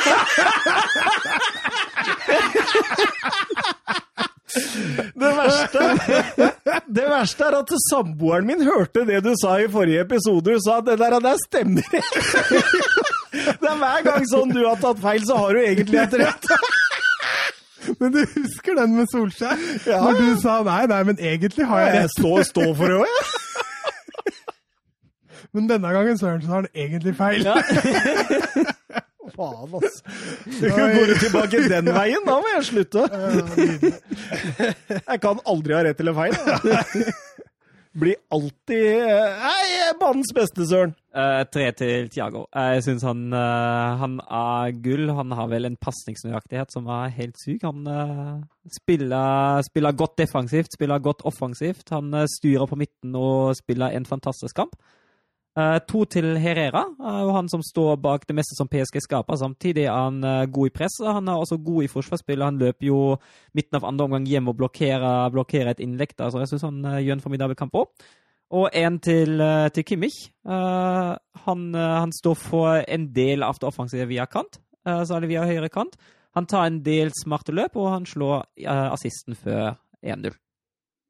Nydelig. Mats? Ja, jeg har litt annerledes. Jeg, Tiago kommer man selvfølgelig ikke utenom. Kampens eh, store gigant kunne faktisk fått fem-seks stjerner. Eh, to gir jeg til Müller. Eh, han er så avgjørende offensivt for, for Bayern. Det, når han begynner å melde seg på, så blir det et helt annet offensivt fra Bayern. Han er riktignok veldig god bare i en 10-20 minutters periode, men han er så avgjørende. Altså. Eh, Ett poeng. Hadde lyst til å dra inn en PSG-spiller. Sto egentlig mellom eh, Herrera, Markinios og Kim Pempe. Eh, lander, som Søren sier, på Herrera, for han syns jeg var kanskje best av de tre offensivt. Tenk det, at Herrera skulle være best offensivt. Ja, av de tre som jeg vurderte der. Det er en setning du ikke sier ofte, Ja, jo, men du skjønner, du skjønner settingen her. Ja da, ja da. ja da. Han var jo en indreløper, og Markinios var jo en, eh, en Ja, dyp, og, og Kim Pembe han er jo ikke særlig offensiv, så det, det, det Nei, argumentet hadde- der, Mats Han hadde Ja, det bør kanskje ikke utdypes egentlig, men eh, Markinios var også veldig nære, faktisk. Jeg syns han var eh, strålende, spesielt i første omgang. Det er faktisk bare jeg som har Noyer på banens beste. Jeg sitter og prater ned Noyer som F i, i før podkasten, og så har du dytta han inn på Ja, Jeg jeg har ikke noen den ikke på- Jeg har den ikke på tre, jeg har den på én, da. Jeg har eh, Tiago Alcantara, selvfølgelig. Det er, jo, det, er, det er jo spilleren som dikterer tempoet i kampen. Han bestemmer alt. Ferdig med det. Det, det, det er ikke noe å si på det. Eh, Markinios 2 eh, syns han eh, er ekstremt viktig i eh, den Altså, det både presspillet og det å eh, vinne ball, da. Der er han nydelig, rett og slett. Og jeg, grunnen til at du bare ser Noyer Nei, Noyer, sier jeg. Sorry. Oi. Grunnen til at du bare ser eh, Müller i 20 minutter, er på grunn av Markinios. Neuer får ett poeng. Eh, men, men, men der tenker jeg så at eh, Altså, jeg, jeg er jo enig i det som blei sagt. Da. Altså, nå, nå, nå, nå kan vi ta det når spørsmålet nei, nei, kommer. nå men skal vi spørsmålet- grille deg litt her på- Spørsmålet er ikke kommet ennå, Mats. Du sa Spørsmålet før kommer- ja, men, ja, men det er jo et, Vi gikk igjennom spørsmåla, og det kommer snart. Så da kan du få lov å grille meg etterpå. Ok. OK? Eh, men eh, litt morsomt. Jeg så en eh, Twitter-melding fra han der ah, som følger fransk fotball, vet du. Han eh, som skal til Premier League og følger Premier League nå. Hva- Arilas. Ja. Han skrev det at eh, etter å ha brukt nesten 14 milliarder på spillere siden Qatar ble kjøpt i 2011, så senkes Paris Saint-Germain i sin første finale av en gutt fra Paris, som kom til klubben som niåring og forlot den gratis fordi det var for mange stjerner i veien. Iron, skjebnen, skjebnens ironi? Er det, det passer seg, det er det. Den er fin. Paris senket av Paris.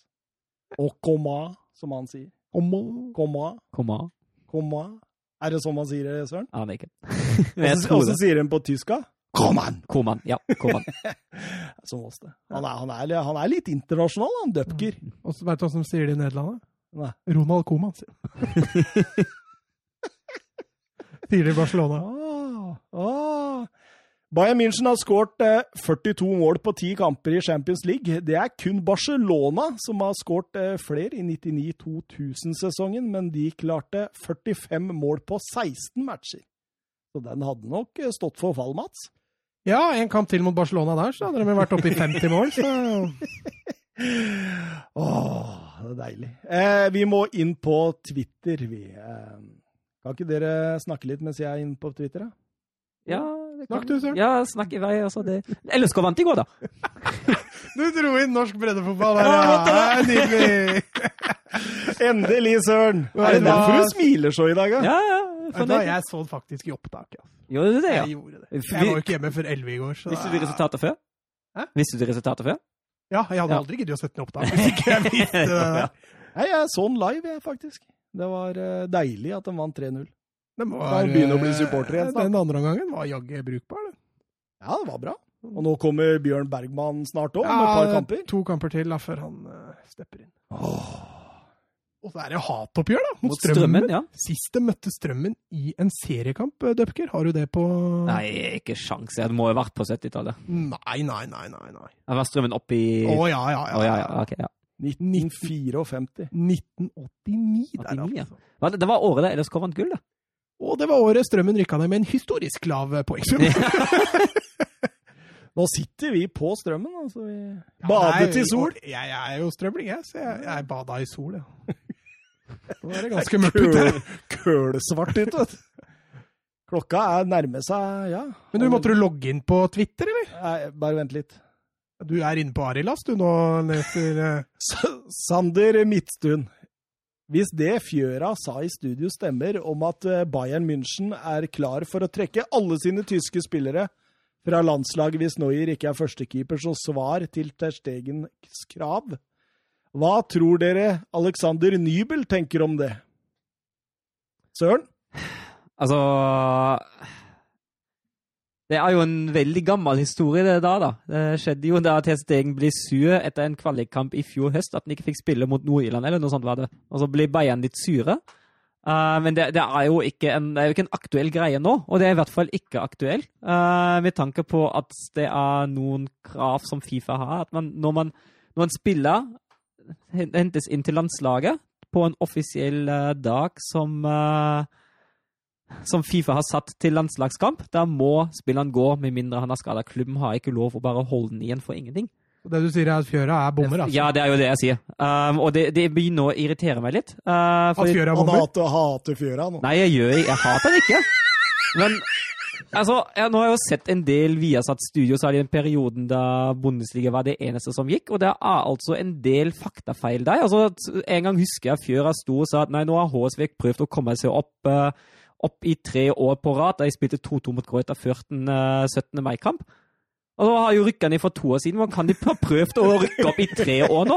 seg, altså, altså, altså, er det sånn at ingen arresterer folk for de feilene der? Fordi det er ikke nok interesse for Bundesliga i Tyskland at de feilene der, eh, i Norge for at de feilene der blir gjort oppmerksom på. Men jeg begynner å bli litt lei, altså.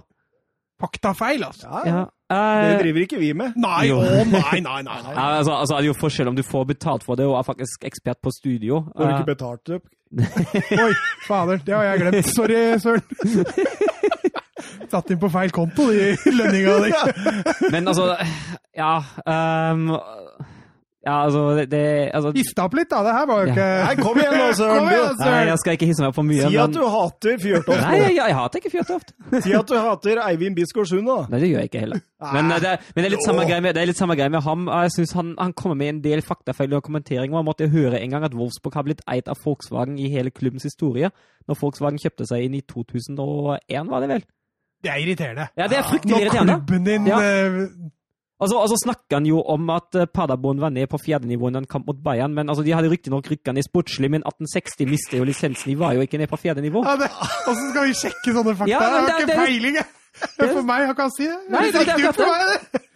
Vi- vi- Hvis Viasat eh, ønsker et eh, tysk leksikon, da, så er det jo bare å ringe til han der ah, fyren ved siden av seg, Mats. Ja, skulle tro det. Han kan jo norsk eh, flytende òg. Ja, ja, ja. Flytende norsk-tysker. er Han sier helt, liksom Real Madrid og litt Ja, sånt, da, men eh, ellers veldig greit. Altså. Vi går god for det, vi. vi. Er glad i den. Ja, ja. takk for det. Men, men, men Dupker, snuser du?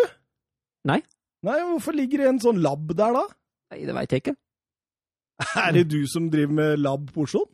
Ja, det er Martin, kanskje? Hvor, hvorfor i er det alle Martin? Nei, gjør? Ølen hans står igjen ennå, så. Øl han står her og Jeg ble Nei, men- litt overraska at det er tysk disiplin og snus. Det hørtes ikke så nei, jeg snuser ikke. Men eh, Nei, altså, for, for å svare sanne, altså uh, Nube blir jo sikkert ikke for, fornøyd med det, men så har Bayern altså, Jeg tror ikke det handler om at Noia uh, heiser opp så mye for Bayern. Jeg tror det handler mest om at Bayern hater det når spillene deres blir kritisert offentlig. Det er litt mest det jeg går på. Uh, Skal, de skal vifte med fjæra, alt jeg Ja, må si. Jeg tror ja. det for noe bruse med fjæra? Nei. de, altså, Ja, Bayern, bruse med fjæra. Bayern, Bayern er veldig kjent for å ha sånn internt samhold. De kaller seg jo gjerne for den store Bayern-familien. Og så snart det kommer noe utenfra som de bare oppfatter som en bitte lite kritikk mot en av deres egne som de mener er en smule urettferdig, da smeller det. Og da blir det Nei, Beckenbauer og Ole Hønes Var ikke og Lothar Matheus da, som var eh, kraftig ute? Jo, det er sikkert. Matheos er jo, altså, Matteus er jo altså, en gammel Bayern-gutt, så det er jo ikke så rart. Men altså, Olli Hønes er jo, han er jo, som han blir kalt i Tyskland, avdeling attakke. Det var han som sa det, skjønner du. Mm. Ole Hønes eh, hadde sagt det om Noyer. Ja. Ja, og det, det, kan, det kan godt stemme. Men som sagt, det er jo det er en gammel sak. Det er jo fra høst i fjor. Ja. Og det har jo, det har jo egentlig ingen relevans til Champions League-finalen i år. Voldsom eh, Noyer-opphaussing, da, skriver eh, Jørgen Be Ready Nystuen. Kampens gigant. Helt enorm, enestående. Han gjør praktisk talt kun to kvalifiserte redninger av betydning. Den mot Neymar er god, men har også litt flaks. Og den andre mot Markinios bør han strengt tatt ta. Var eh, spillet på banen så ræva, siden ni av ti mediehus gir han banens beste? Du må jo nesten svare på det, da, for du har den jo Jeg hadde den jo som en av mine banens Ja, du hadde jo det, så det er vel du som da kanskje bør svare på det? Nei, men jeg er enig med menn. Ja. Altså, jeg, altså, jeg gir den jo ikke banens beste. Det er jo Tiago Alcantara. Nei, nei, men han er en av de aller beste. Du gir den jo ett poeng. Ja, Så du anser jo bare to spillere der som bedre enn han. Ja, og, det, skal jeg forklare deg litt. For jeg, jeg tenker det at det, den første redningen mot Neymar, den er det nesten ingen keeper i verden som tar. At han legger igjen den handa bak seg der for å tette luka, Tror du det er bevisst? ja, det tror jeg. At han legger den der, ja, det tror jeg er bevisst. Så den, eh, det er en enestående redning, og da hadde Paris Saint-Germain leda 1-0. Og det kunne vært helt, helt matchavgjørende. Og, og den redningen mot Markinius òg. Jeg er ikke helt enig med, med Be Ready der. Jeg syns den er enestående, den beinparada han har der. Eh, så ja. Og du var jo inne på det før studio, Mats. Nei, du Den var inne på det første. Ja, men, men jeg tenker på den han tar som uh, ble offside. Ja. jo også strålende. Ser du han står der? Nå bruker, du, nå bruker du mine argumenter imot meg, så dette er dårlig gjort. Ja. Dette var argumenter jeg brukte før sending. Ja. Dette kan ikke du bruke mot meg nå. Nei, mot deg. Jeg bruker ikke mot deg. Jeg bare sier at han var bra. Han fortjener en ett poeng, men han er ikke banens beste. Altså, jeg, syns, jeg syns han spilte en, eh, en brukbar og god kamp, det er jeg enig i. Eh, Men jeg er også veldig enig i det Jørgen sier. at eh, jeg, jeg tror bare media har det veldig lett med å skaffe seg helteskikkelser, særlig sånne store kamper. Det var ingen framtredende, sånn, sånn helteskikkelser på, på, banen som man nødvendigvis kunne ta med skåra to mål, skåra tre mål og Kommer. Hvis han hadde vært litt mer aktiv, hadde kanskje han blitt heisa opp, men han jo, hadde jo en god periode, var ikke aktiv nok hele kampen. og da plukka mediene seg ut den som blir liksom mest åpenbar og enkelst for dem, tenker jeg. Hadde mediene forstått fotball, Ja, det, det, det, så hadde det vært eh, Tiago Alcantara som Ja. hadde blitt hylla på den måten. Ja. Men, uh, men altså, jeg kan jo si det som, det som skuffet Det er en heftig påstand, eh, Edvardsen. Nei, men- du, du slår hele media du, under én kam der. Men, altså, men jeg la jo merke til det samme i tyske medier. Neuer fikk jo Altså, han fikk jo uforholdsmessig gode karakterer uh, i tyske medier etter Champions League-kampen. Han fikk, han fikk toppkarakter den, i den 7-2-kampen borte mot Tottenham. Han fikk toppkarakter nå. Jeg syns jeg har overdrevet. I dag, altså den kampen på søndag Ja, han er god på streken, han redda godt, men han slurva også i en del utspill.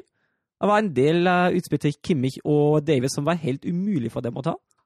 Så eh, ikke topp, topp. Han gjør en god kamp for all det, men ikke toppkarakter. Men Mats, kom en grill med nå.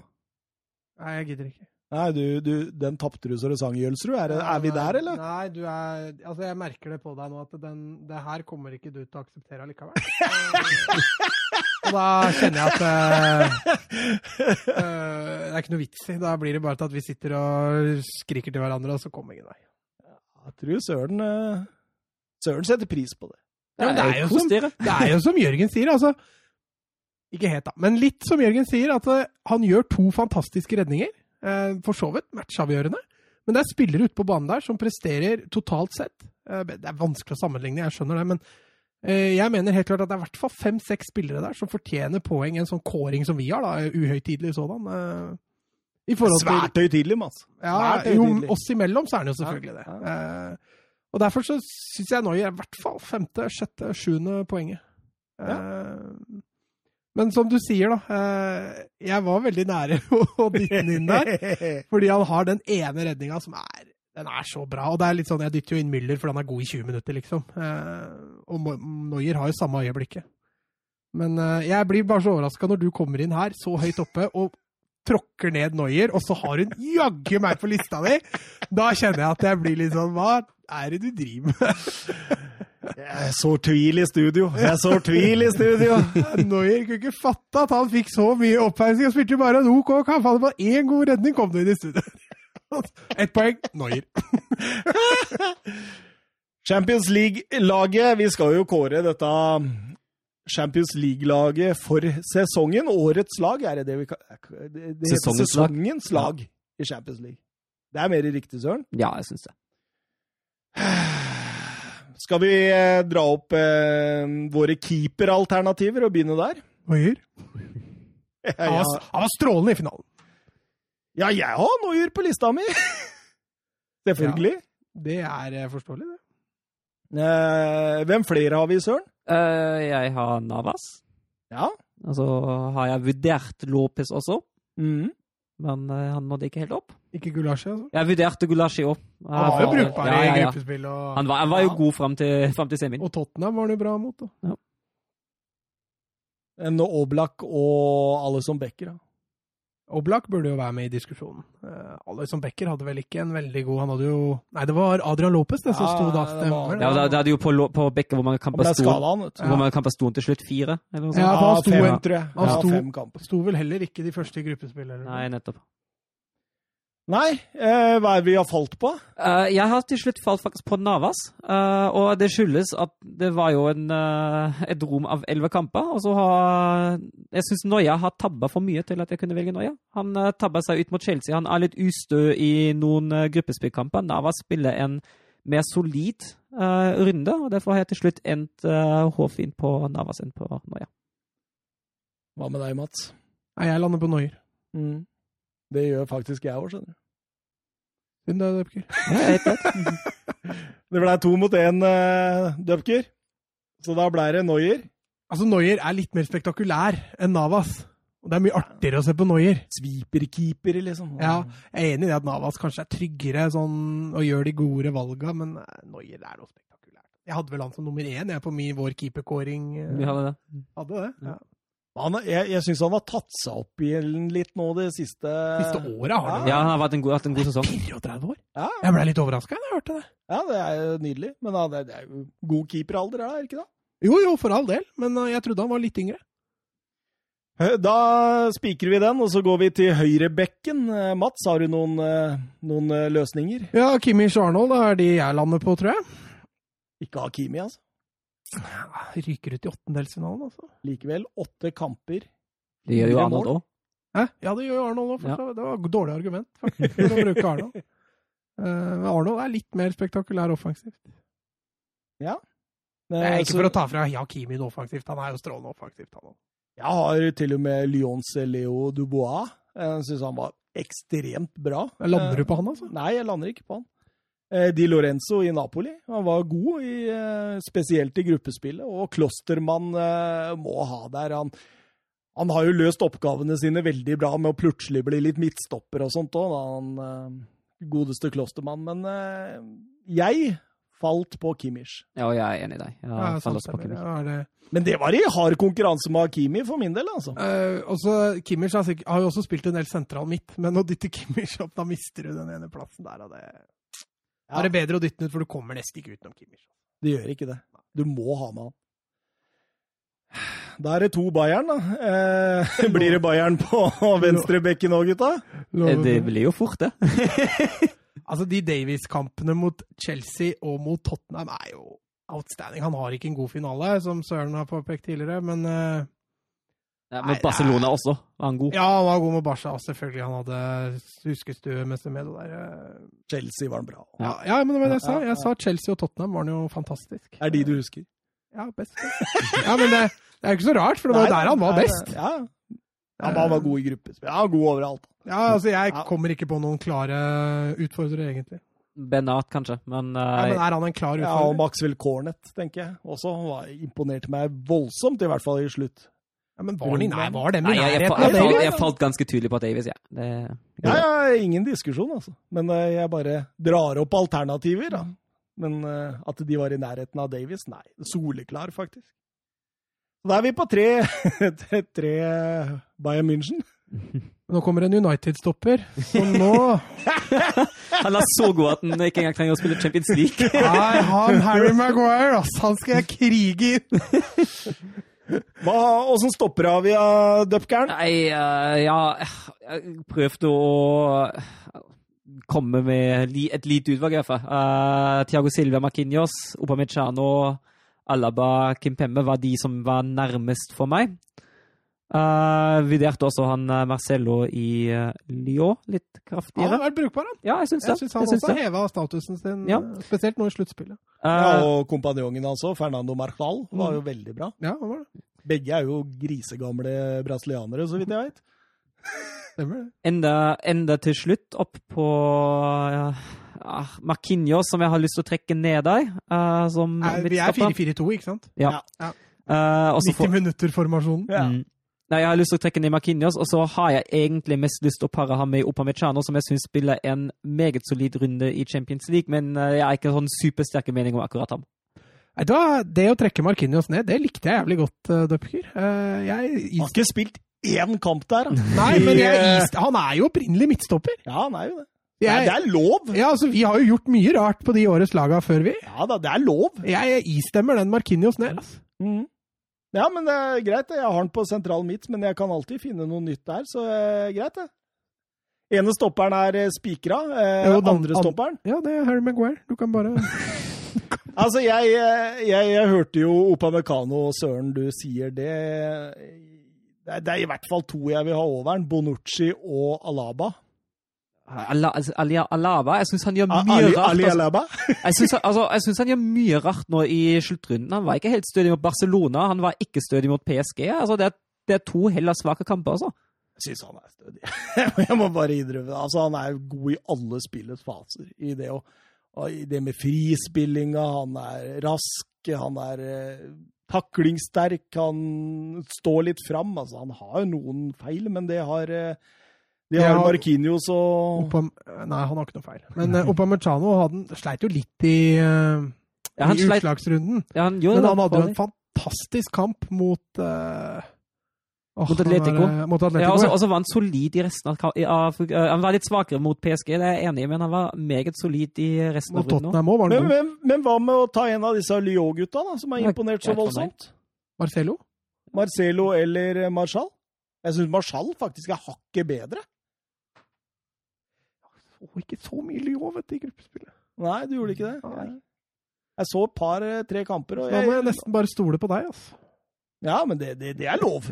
Det er Nei, altså, jeg har mye tillit til deg generelt i livet òg, så Ja, du var jo forloveren Både min. Så, Både privat og i fotballsammenheng. Så. så hvis du mener at det er fortjent, så Jeg så, mener det er ja. helt fortjent. så kan jeg kan være enig i Marcial òg, det er helt greit. Skal vi ta den, eller? Ja. Markinius og Marshall. Det er, det er nydelig. Det er nydelig. Da har vi spikra én eh, Paris Saint-Germain og én Lyon-spiller. Ja, Dobbel fransk på stoppeplass. Høyre kant, er det noe diskusjon, Søren? Gnabry. Og så har jeg flytta Di Maria ut til venstre, kan jeg jo si, men eh, Gnabry høyre. Gnabry Blir det et lag uten Messi, eller? Det tror jeg det kan bli.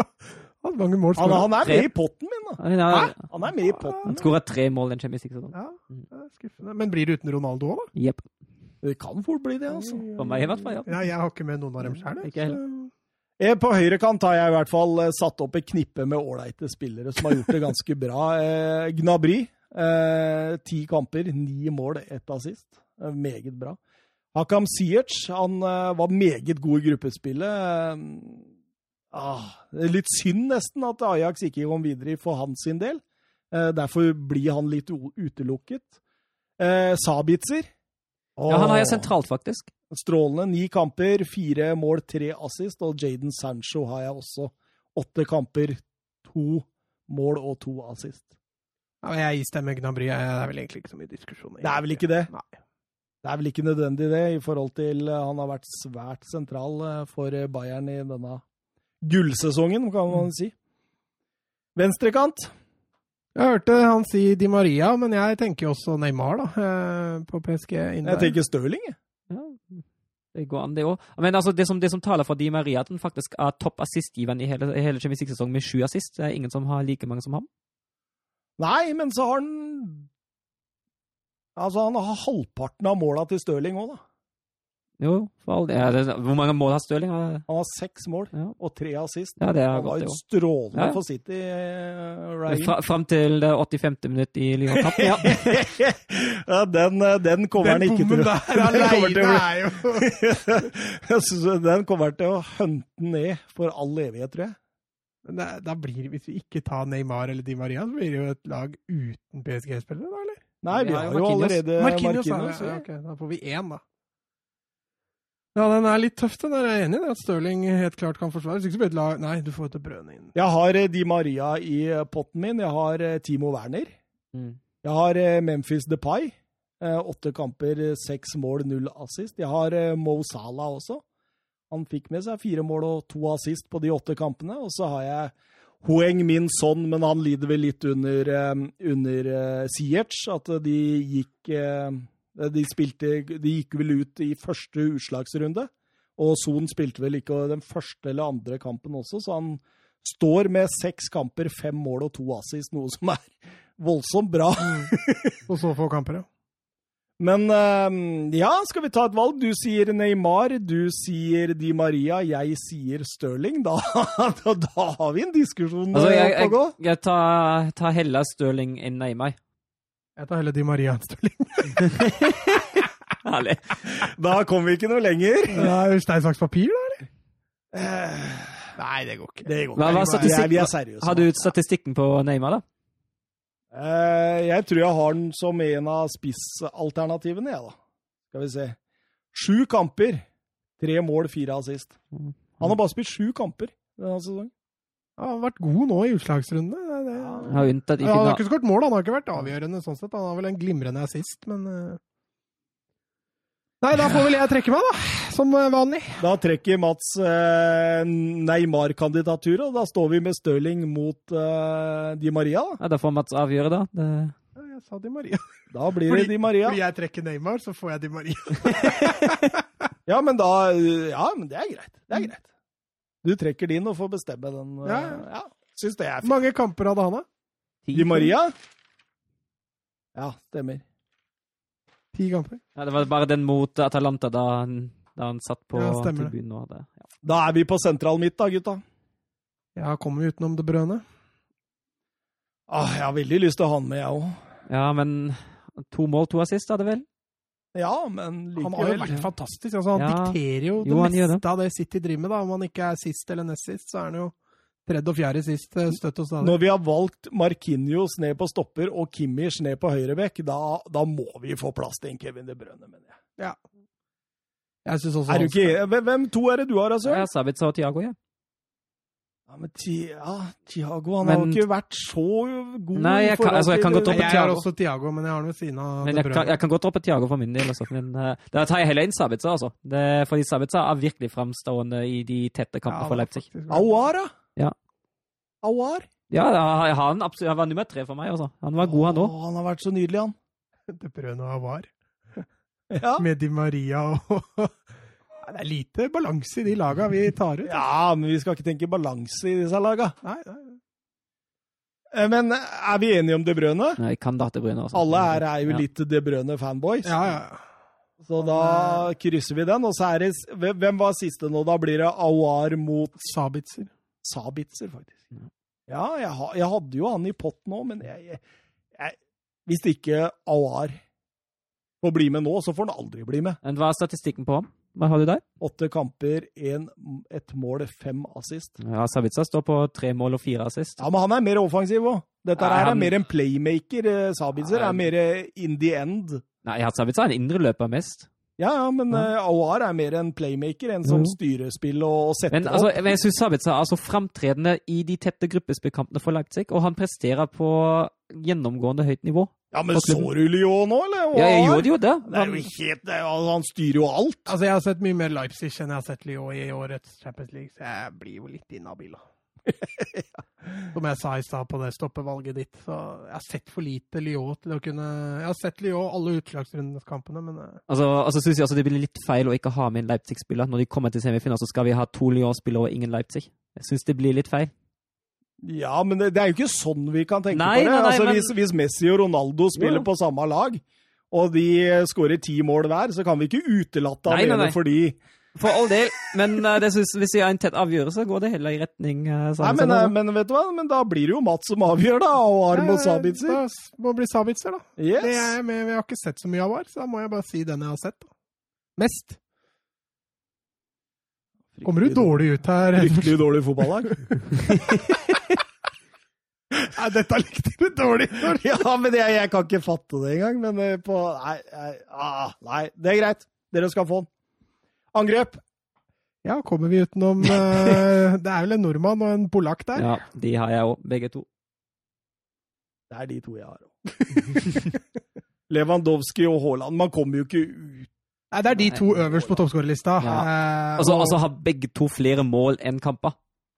Ja, Haaland han rakk jo å bøtte inn mål både i, i Salzburg og, og Dortmund, for så vidt. Eh, Så, og han var også veldig god, spesielt i hjemmematchen mot PSG. Så var han jo helt toneangivende. Og han var jo nesten alene grunn til at Salzburg nesten greide å karre seg videre, altså i en gruppe med Liverpool og Napoli.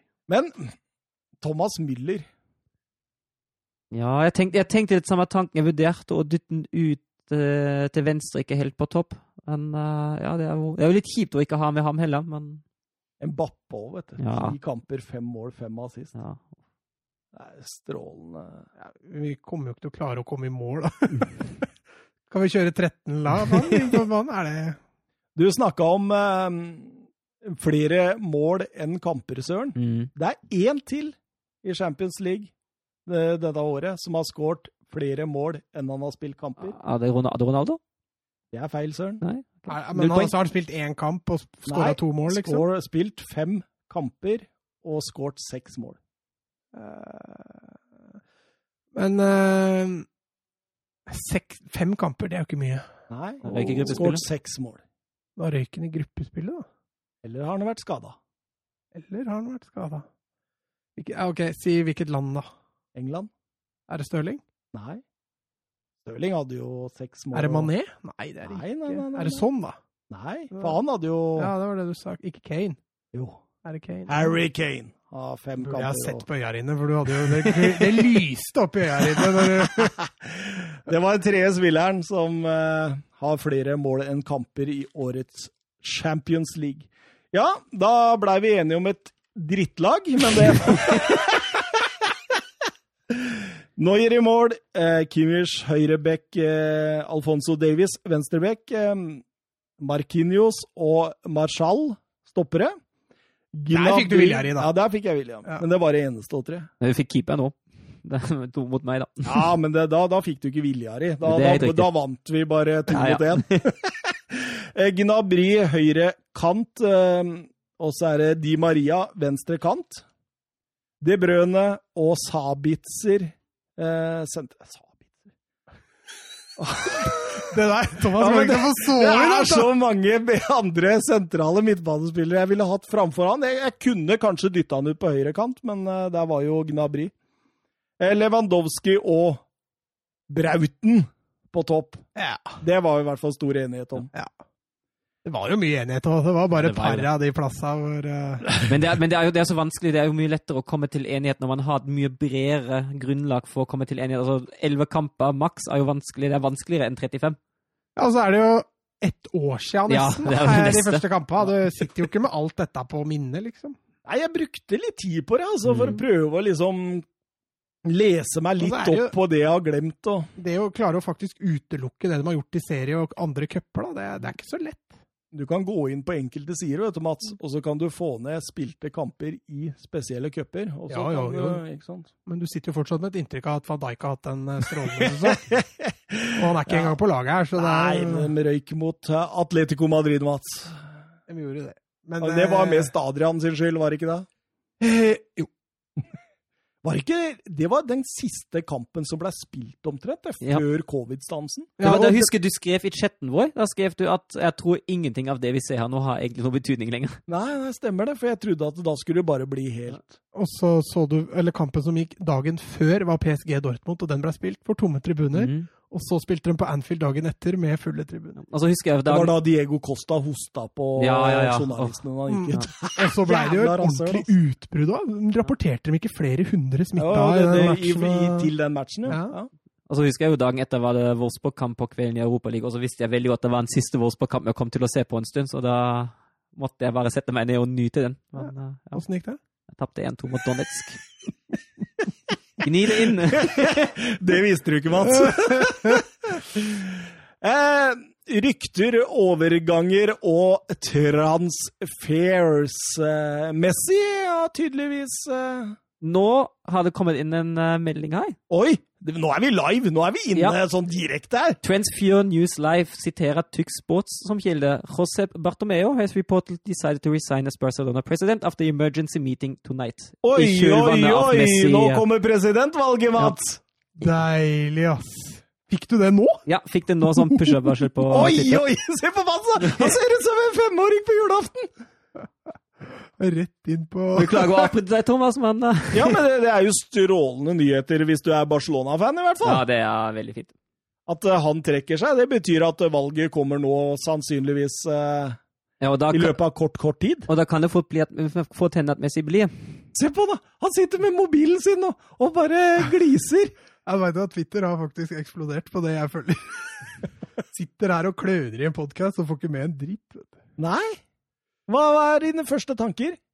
Nei, altså er, Tidligere på kvelden så fikk jeg med meg at Messi nå offisielt har gått ut og sagt han ønsker seg bort. Eh, og så går det da to timer, og da har Bartomeu trukket seg. Så her er et maktspill ut av ville verden. Eh, Og for de som tvila på hvor mye Messi bestemmer i den klubben Han kan velte presidenter, eh, søren! Ja, det er jo Men altså, det var jo Det var fint at han gjorde det, i hvert fall. Uh, Altså, er, altså Bartomeu, Det er jo ingen hemmelighet at dette er en svært dårlig likt president hos majoriteten i, eh, i Barcelona-fansen, og åpenbart i spillergruppa. Og timing og alt som skjer nå, er jo egentlig katastrofe for en klubb. Altså, når de akkurat ansatte ny trener av den presidenten, som nå resignerer en uke etter at de ansatte den presidenten, to timer etter at Messi har gått ut og sagt 'jeg vil bort'. Hva tror du Koman tenker nå?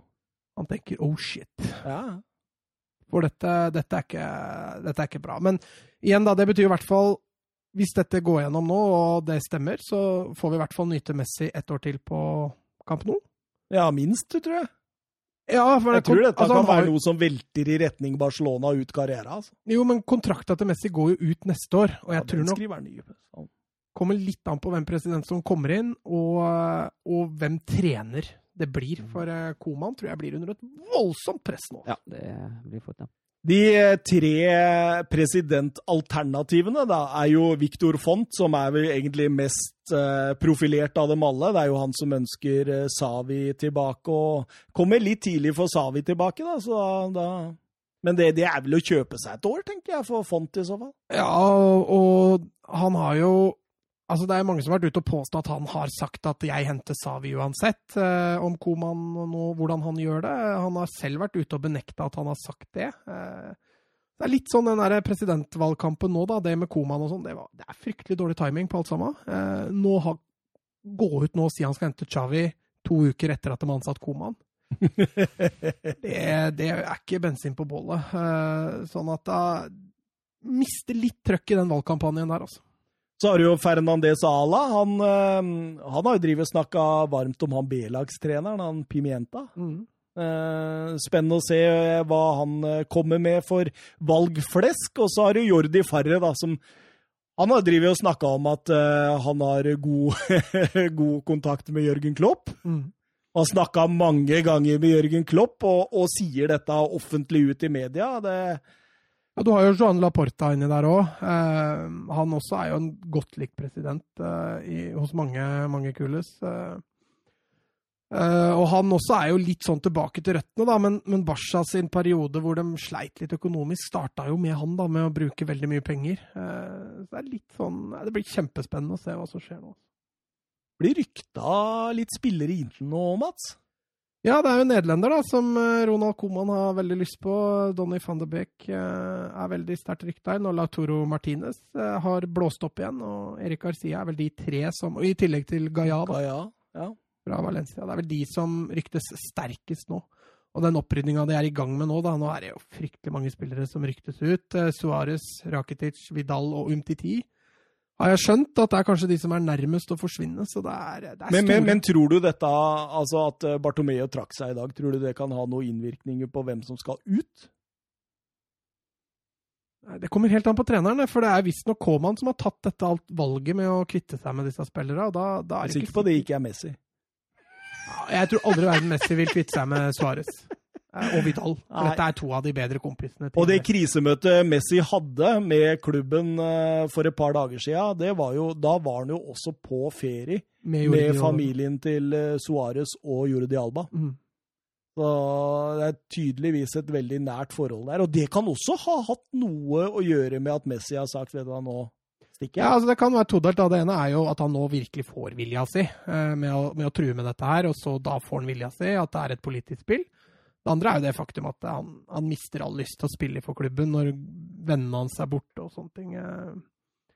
Bør jo ikke det være et argument aleine for å dra, men det er så mye råtne epler i den klubben at det, noe må gjøres. Så det må skje over tid. Men uh, Koman, da. Det første han gjør, er å komme oss og si at uh, vet du hva, jeg vil ikke ha bestekompisen til Messi. Han har jo hatt et møte med Messi, og Messi skal visstnok ikke ha blitt veldig imponert. Eh, åpenbart, når han da et par dager etterpå sier han vil vekk.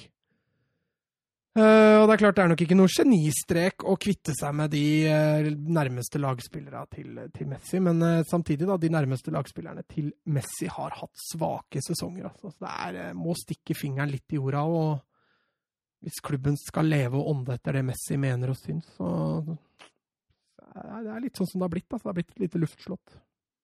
Det blir i hvert fall ekstremt spennende å følge med nå, da, de neste dagene nå. Mm. Søren, har du noen tanker? Nei, jeg syns egentlig det er, er fint at Bartomeo får, forsvinner et år før han egentlig skulle. Det er, Han blei nesten tvunget til det nå. Det blei Ja. for stort for den, dette her. Jeg så at uh, Petter Wæland uh, rett før jeg, vi gikk inn har tweeta noe veldig smart. Det er sånn at nå har Bartomeo, må Bartomeo bestemme seg om han skal trekke seg, eller om han vil bli stående for, for alltid som presidenten som jager bort Messi etter 19 år i klubben. Og det, det traff han spikeren veldig godt, tenker jeg. Oi, oi, oi, oi, oi, Mats. Nå, nå Blir det spennende? Ja, det blir gøy. Når vi sitter her eh, neste gang, vet du, så Så kanskje livet er litt lysere. Ja, Nå kan i hvert fall fornyelsesprosessen starte. Ja, den prøvde jo å begynne, da. Det er derfor Ja, men- jeg sier at timinga her er fryktelig, fryktelig ubehagelig for klubben. Men eh, nei, vi får se. Det blir kjempespennende. Ja, men jeg, sa, jeg sa, jo, sa jo tidligere i dag at eh, den Koman-ansettelsen er jo ikke jeg helt fornøyd med heller. Det, jeg mener Altså, han, at det er sånn, ikke, altså, han hadde noen, noen gode resultater i PSV, han har hatt litt godt i Ajax, og han var brukbar første sesongen i Southampton. Og, men Ebert nå var han brukbar første altså, sånn. alle prosjektene hans har stort sett gått åt skauen når han har gått en stund. Så Det jeg husker best med Koman, det var når han eh, Han la vel ut på et eller annet sosiale medier. Han tok bilde av eh, Southamptons treningsanlegg. Og så skrev han at nå setter vi i gang med trening, skrev han, og så var det bilde av ingen spillere, for alle var solgt til Liverpool eller diverse andre ting. Men det som er bra med Koman, er at han kommer jo fra The Dream Team med, med, med, med Johan Cruyff. Han Ja. har jo litt det genet, så det blir veldig spennende å se. Oi, oi, oi, oi. Det blir spurt her fra Vebjørn Fredheim på Twitter hvem snapper opp Suárez. Ja, han er rykta hit og dit. Altså, når det er så mye rykter, så er det vanskelig å ta tak i noe. Jeg har heller ikke sett noe sånn voldsomt troverdige gått ut og meldt noe. Eh, Han er jo meldt både til Ajax og han er meldt til PSG og et par Premier League-klubber som vil ha han. Og... Inter Miami ville ha han. Ja, ikke minst. David Beckham. David Beckham, ja. Oi, oi, oi. Så enn så lenge så så har ikke jeg noe voldsom formening om hvor han ender. Han Vi, vi, vi, like vi, gjerne vi, vi, vi tipper, da. Bare sånn Det, det blir jo tippe. Tipp, Mats. eh, Barcelona. Oi, oi, oi. Messi får vilja si, ja. Søren. Uh, Inter Miami. Jeg liker tanken på at han skal tilbake til der liksom på en måte de som lagde den. Altså Ajax, sier jeg. Du tipper med Men, men, jeg, men, jeg, men jeg kunne gjerne tatt den som backup-spiss for Harry Kane. Ja, det så jeg på Twitter, at du gjerne Ja, det hadde jeg. Hadde er- tatt Umtiti og Rakitic òg, jeg. Ja, Jeg skjønner det. Ja, ja, absolutt. Um, Petter S. Støvland skriver til oss på, på Twitter eh, Newcastle. Og et latterkrampe bak. Han vil Det var du som foreslo en sånn eh, intromusikk Ja, til jeg Thomas. nå har jeg glemt den. Nei da, kom igjen nå, altså. Bare Hva var det jeg sa for noe? Jo. Newcastle update med Thomas Edvardsen. Nei, det var feil. Det var ikke det, var ikke den jeg hadde i stad. Det var mye bedre i stad, Det var, var mye bedre. i stad. Kanskje vi burde Jeg må perfeksjonere til neste prøve å ta oss flid i å lage litt jingles og sånt. Det, det har vi ikke giddet. Um, følgende jeg har fått eh, liksom på en måte info om da, i forhold til Newcastle, det er jo det at, eh, at eh, Eller jeg satt og hørte på en eh, engelsk podkast vedrørende Newcastle, hvor de hadde en eh, journalist fra The Newcastle Chronicle. eh, og de snakka litt om dette med oppkjøp og sånt. Og, de, de sier jo det at eh, Amanda Stavely og dette, eh, dette saudiarabiske Hva heter det? Kor, konsortium? Ja, et eller annet sånt. De eh, er jo fortsatt gira. De er fortsatt, det er fortsatt interesse der. Men, eh, men eh, foreløpig står det med det. Han Henry Maurice han er fortsatt også interessert. Og så har det dukket opp en ny mulig eh, budgiver da, i eh, BN Group, eller The Bellagraph Nova Group. Og eh, de har, en, de har lagt inn et bud på 280 eh, millioner og sier at Alan Shearer skal være deres manager. Eh, Mike Ashley skal visstnok ikke ta disse seriøst. Det er billigere å kjøpe fotballklubb enn å kjøpe en spiller. ja, nei, men det er, det er, det er i, i pund, da. Å ja. Ja. Vi snakker 2,8 milliarder, Ja, altså. Okay. gjør, gjør vel det. Um, men eh, denne journalisten han hadde i hvert fall ikke veldig stor tro på at det kommer til å skje denne sesongen. Men at det jobbes mot en takeover til neste sesong. Så vi kan, vi kan beholde vår faste spalte i en sesong til? Eh, eller så kan vi bare avvikle den og vente. Men du, du pleier alltid å avrunde spalten med, med hvem du tror eier og leder Newcastle neste sesong. Ja, Ja. Det, det blir jo da Steve Bruce og Mike Ashley, det da. Ja, det har alltid vært konklusjonen din, faktisk. Ehm, så det så Petter Støvland. Håper du blei litt eh, mer klok av det. Um, Fabrizio Romano melder at eh, Everton og Napoli jobber eh, på spreng for å få til en avtale for Allan. Everton har budd 25 millioner euro, mens Napoli vil ha 35. Watfords Ducoré skal være reserveløsningen. Hva, hva tenker vi om Allan til eh, Angelotti? Er det koronaen som kicker inn, Mats? Nei da. Eh, Nei, det er vel en gammel Angelotti-elev, så da, da ligger det vel litt i korta. Jobber virkelig Napoli på spreng, altså, for å få solgt han? I hvert fall Everton. Ja, OK. Ja. Ja. Og han har jo vært brukbar i Napoli i år. Uh... Ja, han har ikke mista plassen da, til Fabian og Zielinski. Han har vel ja, stort sett spilt en del, Allan. Jeg veit ikke. Hvor mange kamper er det han har i åra? Søren, du, du er sånn god på Han var jo med på årets laget mitt på CL. Nei, CL. Jo, Champions League var riktig, det! Jo, årets laget mitt på Champions League. Årets laget ditt på Champions League? Jeg kødda jo, da. Du trodde jeg mente CM, du nå, eller FM? Ja, jeg trodde du hadde kjøpt den på FM. Ja. Og så fant du at han var ikke så god, så du starta spillet på nytt. Nei, det har jeg aldri gjort. Kjøpt en spiller, bomma og starta på nytt. Nei, nei. Nei, for det tar litt tid. Det tar tid, ja. Ja. Nei, da tar Søren, har du antall Ja, kamper han har spilt 23 i Serie A, i hvert fall. Ja, det er eh, ja, rett over halvparten. Jeg tror han har mista plassen litt i det siste, altså. Ja, etter at Angelotti Hvor gammel er han, Søren? Han er han er 20 29. Ja, ok. Så det er fortsatt noen gode år igjen. Tydelig at Angelotti er glad i ham, i hvert fall. Angelotti har vel fått det beste ut av han nå. Altså, han, han sitter mye, han har vært mye ute med skader. så I hvert fall ti kamper han har gått glipp i her pga. skader. Han har fått lite spilletid i kampene han har brukt òg. I hvert fall etter at Ancelotti, eh, etter at, ja, etter at Angelotti forsvant fra januar, har det blitt lite spilletid. Det er Gattuso som har skipa han ut, vet du. Mm. Ja, da kan denne Napoli jobbe litt på spreng. I hvert fall Gattuso. Gattuso jobber på spreng. Didrik Tofte Nilsen, Chelsea, sier han. Hva skjer? Havertz close. Tiago Silva close. Shilwell close. Vanvittig mye penger, men skal de stå med Caballero, da, eller? ja, for det er jo sånn at eh, rapporter i dag kommer jo på at de er ekstremt nær nå med å signere Havertz. Der sier de at alt er klart. De er enige om femårskontrakt. De er enige om 80 pluss 20. 80 millioner euro pluss 20 millioner i bonuser. Eh, Shilwell sier de også er Det er bare rett rundt hjørnet. De er enige om 50 millioner pund. Og Tiago Silva han har sagt et muntlig ja. Og, og det mener jeg det er jo genialt. Her bruker man penger for å få en, eh, en, en ingen penger omtrent, for å få en rutinert stopper når en prøver å på en måte eh, tette andre hull. Mm. Det er jo strålende. Han klarer å gjøre en jobb der i ett og to år, han. Um, men denne keeperen, da. Ja, De får jo ikke tak i de de vil ha, vet du. Nei, Og jeg har- veit ikke hvor lurt det er å begynne å gå ned på kvalitet bare for å få chippa ut eh, Kepa. Det Det veit jeg ikke hvor lurt det er. Så det kan hende at de rett og slett skal pine seg gjennom enda en sesong altså med Kepa, og så bare vente på at den ideelle keeperen blir, eh, blir ledig. Eller håpe det snur.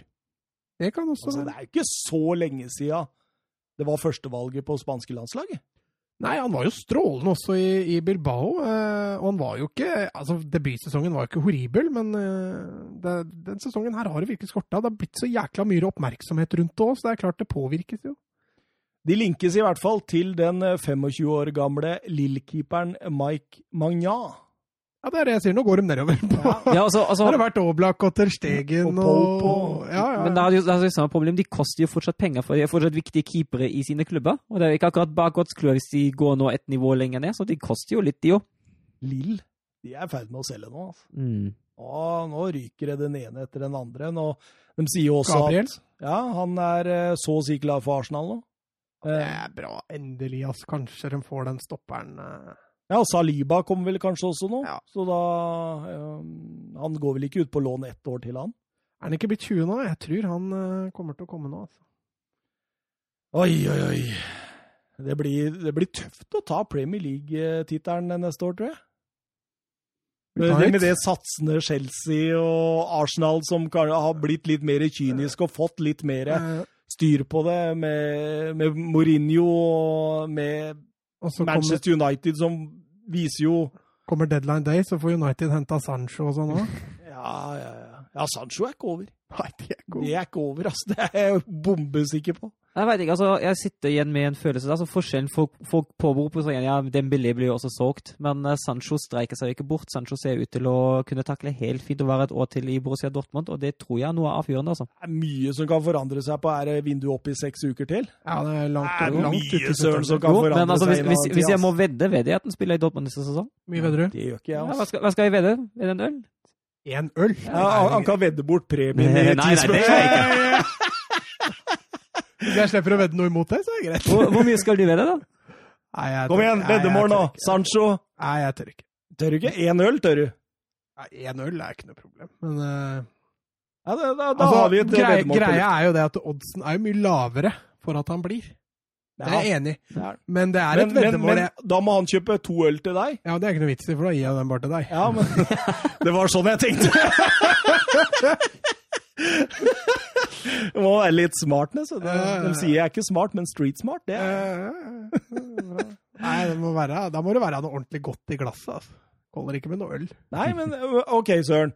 To, eh, to eh, sånne Vladimirs. Ja, Vladimir. Ja, de er du glad i. Det er jeg glad i. To Vladimir? hva er det for noe? Nei, Nei, Vodka Red Bull er fint. Ja, det er, er, er, To Vladimir mot én øl. Da, da, da, da går eh, regnskapet opp sånn. ja, det er greit for meg. Å, ja, ja. Deilig, deilig! Live i studio, dere. Sancho til Manchester United. Jeg satser på deg, Mats. Jeg sa ikke Manchester United, jeg sa bare han gikk. Ja, du sa jo det. Ja. Bare vent når Barcelona og Victor Font kommer på banen. Leste forresten en eh, god artikkel om Sancho, der det sto det at eh, hvis han ikke går til United i sommer, så kommer han ikke til å gå til United. Nei, det er jo bare å krysse fingra for at Basha kaster seg over det der.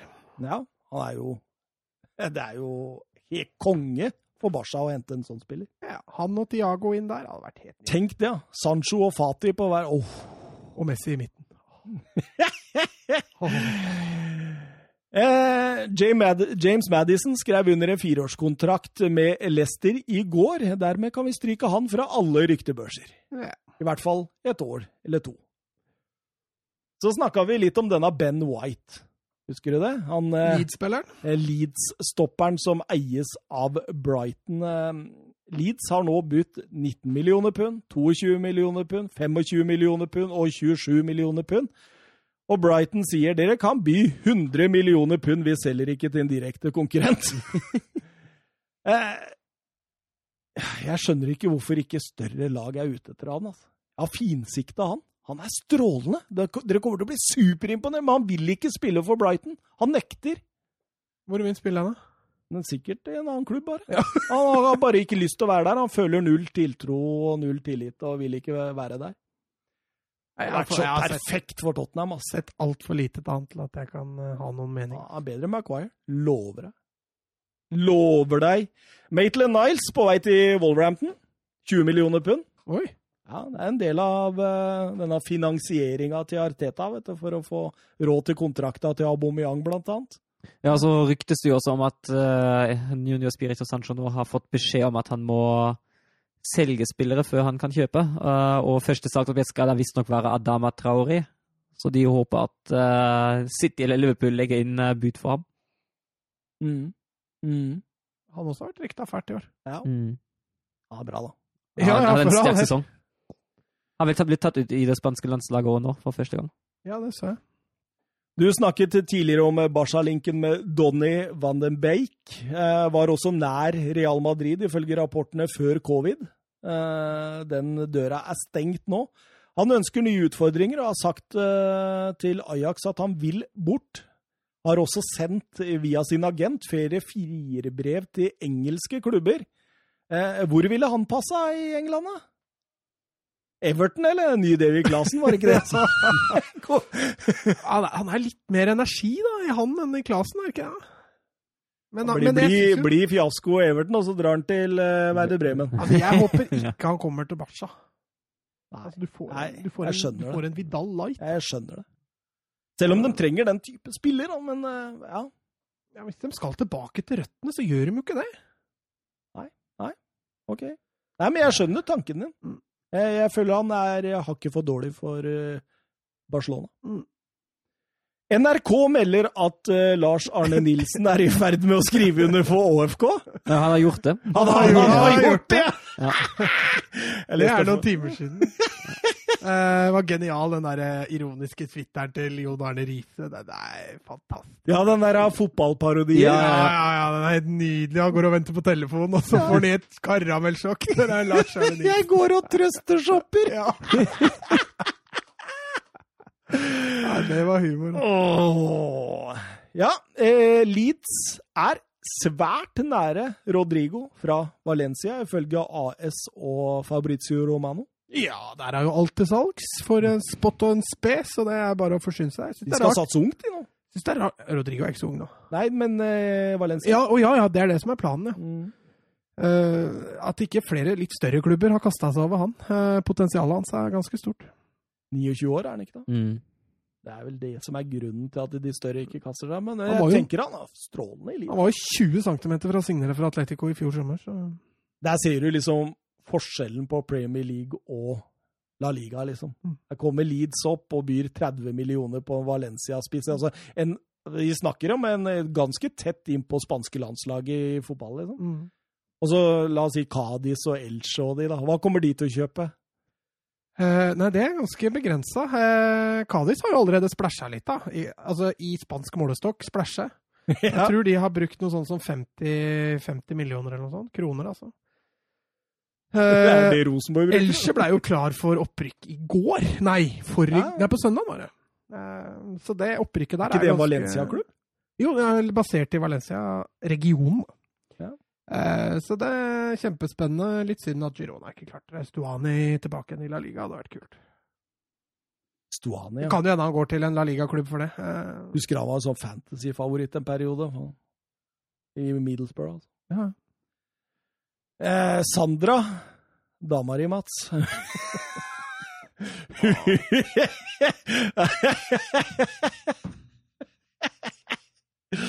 Du har hørt Martin sitte og kødde med en, eh, Søren? Å ja da. Nei, vi vil ikke miste Sandra, så vi får være profesjonelle. Hva tror dere om sjansen for at Trippier kommer til Aston Villa, som ryktene skal ha det til? Jeg har ikke lest de ryktene engang, så det kan jeg ikke Hvem er det som har, det som har meldt det? Ikke jeg heller, så derfor måtte jeg undersøke, og da så jeg at det er The Telegraph som eh, melder dette. Og De er jo ganske troverdige, altså. Ja. De sier at eh, Villa og Smith vil ha på plass en høyreback, og at de har vært i samtale med Atletico om Trippier, som har to år igjen av kontrakta si. Altså, han har gjort en strålende debutsesong i Atletico. Eh, og jeg tror altså, det jeg har skjønt, i hvert fall, er jo det at han trives i klubben. Og jeg tror Simione er veldig glad i Trippier. Han har brukt den masse. Eh, så jeg tror ikke Atletico selger han for en spot og en spe. Altså. Nei, Da må at Aston Villa splatte litt eh, cash. men har de ikke De har jo et par alternativer òg. Han Arias og han der av Vrølsalko, er det det han heter? eller noe? Jo, begge de to er jo egentlig kan spille på begge bekkene. Så jeg tror Trippier er det soleklare førstevalget uansett. Så hvis de velger å selge Trippier, så tror jeg de må ha på plass en eh, Og Versialkos leide dem jo ut for to år siden. Og Han tror jeg ikke er i Ble bare skada? Ja, så er han jo skada igjen nå. Nå er han jo covid-19. Så da... Bare vent, han får covid-20 òg. Ja, ja, ja, garantert. Covid 2.0. Eh, Villa skal også ha forhørt seg om Celtic-spiss Odd Sonne Eduard. 22-åringen dunker inn mål i Celtic for tida. Det hadde vært kjipt å miste ham i Celtic, men uh, Å, er, er, du- er du litt Ja, jeg er veldig glad i Celtic, egentlig. Men, Men, eh, men åssen spillertype er han da, Søren? Er det ikke litt Dembélé? ja, jeg, jeg tror han, han kom jo inn som erstatter for Dembélé, Ja, ja, ja. og så har han uh, tatt plassen hans ganske godt, egentlig. Ja. Men, en sånn stor, sterk, rask bakrom? Mm. Ja. Men, Det eh, er Lukaku, det, Thomas. men jeg tror jo for all del at det kunne vært et godt kjøp for, eh, for Esten Villa, fordi han er egentlig klar til å gå til en litt større liga ut ifra det. Altså, jeg, ser, nå ser, jeg sitter jeg ikke og ser hver Celtic-kamp, jeg ser dem litt når jeg har anledning. Uh, men uh, det jeg ser fram, det ser jo fint ut, det. Det siste jeg har, er eh, Pedro er klar for Roma. Ja, den er bekrefta. Oi, oi, oi. Men det visste vi på en stund siden. Hva tenker vi, gutta? Jeg tenker det er kvelden. Tenker det er kvelden. Dere har ikke noe mer på hjertet? Nei, Wolfsburg har henta to nye spillere. Oi, oi, oi, søren, kom igjen! Uh, polske Bartosz Bialek, en 18 år gammel spiss, som uh, spilte før i Zagreb Lubin. Og så uh, Hva het den? De Croix fra FC Sochaux i Frankrike. Dicoa. Ja, ja franske min, altså. Det en, Men- midtst en midtstopper, dessverre høyrebein, så jeg sitter han jo bare på benken fordi Brooks får plassen. Nei, vi får håpe at uh... Du hater Brooks, du. Nei, jeg hater han ikke. Jeg syns han, er en dårlig spiller. Ja, det som Jeg hater han ikke. Jeg har ikke noe imot ham Men de har jo kjøpt disse spillerne da! Ja. Ja. 100 millioner? Oi, dæken Ja. steik. 50 millioner for hver? Ja, sånn cirka, ja. Stemmer. Fy faen. Hvor har Wolfsburg har fått alle disse av Volkswagen, begynt å gå bra Masse Passat og sånt. Nei, men nå har man Det ser ut som at man har begynt å, begynt å bytte strategi litt og hente unge spillere. Han eh, franskmannen er jo 20 og uh, Bialek er 18. Så Så du gleder deg til sesongstarten nå? Ja, jeg mangler jo fortsatt litt Uh, Skulle gjerne hatt i hvert fall en kantspiller. Eh, kanskje også til og med to. Uh, og så må jeg jo innrømme altså, Jeg kjenner ikke sånn voldsomt til verken Bialek eller DK. Men uh, det er hyggelig å se at klubben har, har en klar strategi nå. Og hvis spillerne faktisk passer inn i systemet og kan utvikle seg i klubben, da kan jo det bli litt morsomt. Men oppkjøringa har vært rysten så lang, altså. Men de har mista en spiller òg. Renato Steffen? Nei, Nei? Har vi solgt den? Ismail Asoui. Å, herregud, ja, selvfølgelig. Men eh, han, eh, han ble jo han ble jo kjøpt Han kom faktisk fra Tottenham, tror jeg. Oi, oi, Eh, oi. Så for tre år siden som 17-åring. Så var han litt med i profftrom, snuste litt på snuste litt på å ta litt steg, og så fikk han en stygg skade, var ute i et år, ble lånt ut, og det ble ikke noe stor suksess. og Så, ja. Men hørte dere um, nyhetene fra England i dag? At eh, Brighton skal ha inn 2500 tilskuere til sin neste treningskamp. Og at de eh, regner med å doble dette til eh, neste igjen. Og begynner sakte, men sikkert å implementere publikum på stadion. Ja, og i Norge sitter vi fortsatt i 2022 og har lov med 200, så Ja, med knapt nok smittede. Ja. Det, er, det, er, artig. Men det, det, kom noen regler, da. Blant annet at det ikke hadde lov å synge. ja, det er jo fair enough, det. Ja, men da spytter du sikkert litt mer og sånne Ja. ting. Da, ikke sant? Men, eh, men det har jeg tenkt på sjøl òg. At eh, disse gedigne fotballstadionene, liksom Ja. eh, det hadde, Du hadde fint klart å holde bra smittevern og fortsatt hatt inn 10 000-12 Ja, 000. men hørte du, hørte du begrunnelsen til Espen Nakstad? måtte begrunne, ut og begrunne det. NFF hadde jo lagt fram sånn pilotprosjekt at man skulle ha fire kamper i august. Eh, Rosenborg kvinner mot et eller annet på Lerkendal. Blant annet LSKs kamp mot Kongsvinger på, søn- eh, ja, på mandag i går. Eh, da skulle man slippe inn 2500 som et prøveprosjekt på fire forskjellige stadioner og se hvordan det funka. Eh, ble avslått. Espen Nakstad gikk ut og sa Nei, det må, det kan, vi tror at fotball har klart det helt fint, men det er likestilling i kulturlivet som er grunnen til at det ikke går. To dager seinere eh, fikk Tom Cruise bekreftet at han kunne komme til Norge med sånne ekstra bestemmelser. Deilig. Deilig med likestilling. Men, men, men, men lot disse landslagsspillere fra EØS-landa komme uten Ja, har- spesiell karantene? Det Hadde jo vært vanskelig å gjennomføre landskamper ellers, da. Eh, Eliteserielag mot et østerriksk Ja, men han Raja, han trua med det. Han, han du elsker så, vet du. Han, Ja, jeg vet, jeg vet Raja, ja. ja. ja, han, han elska ja, Nei, han elska Thomas har prata med ham, skjønner du. Han elska Søren Dunker, han! Nei, han eh, var klar han for å stenge ut disse landslagsspillerne. Det hadde vært eh, pussig pussig landskamper, da. Det hadde vært Bodø-Glimt, da. De, de er gode for tida. Ja, de er det. Han der av Berg og han der av Hauge. Ja. Ja, Berg har vel kommet inn nå, Hauge ja, ikke. inn. Hauge ble tatt på U21. Men jeg, jeg kjenner det at når vi begynner å snakke Bodø-Glimt, da er vi ferdige, eller? Ja, da er det kvelden. Eh, OK, vi ses. Høres. Vi ses, og vi høres. Ja, de ser jo, alle ser hvor du peker. Ne, ne, neste uke. Nå må vi sitte litt grann etter for, Har du tid til det, eller? Nei. Fem minutter har du tid til. Så. Nei, vi må må- sitte. Hva, skal vi, hva, skal vi ha neste uke? Skal, kanskje vi burde drodla om det Ja, vi gjør det seinere. Ha det bra! Ha det.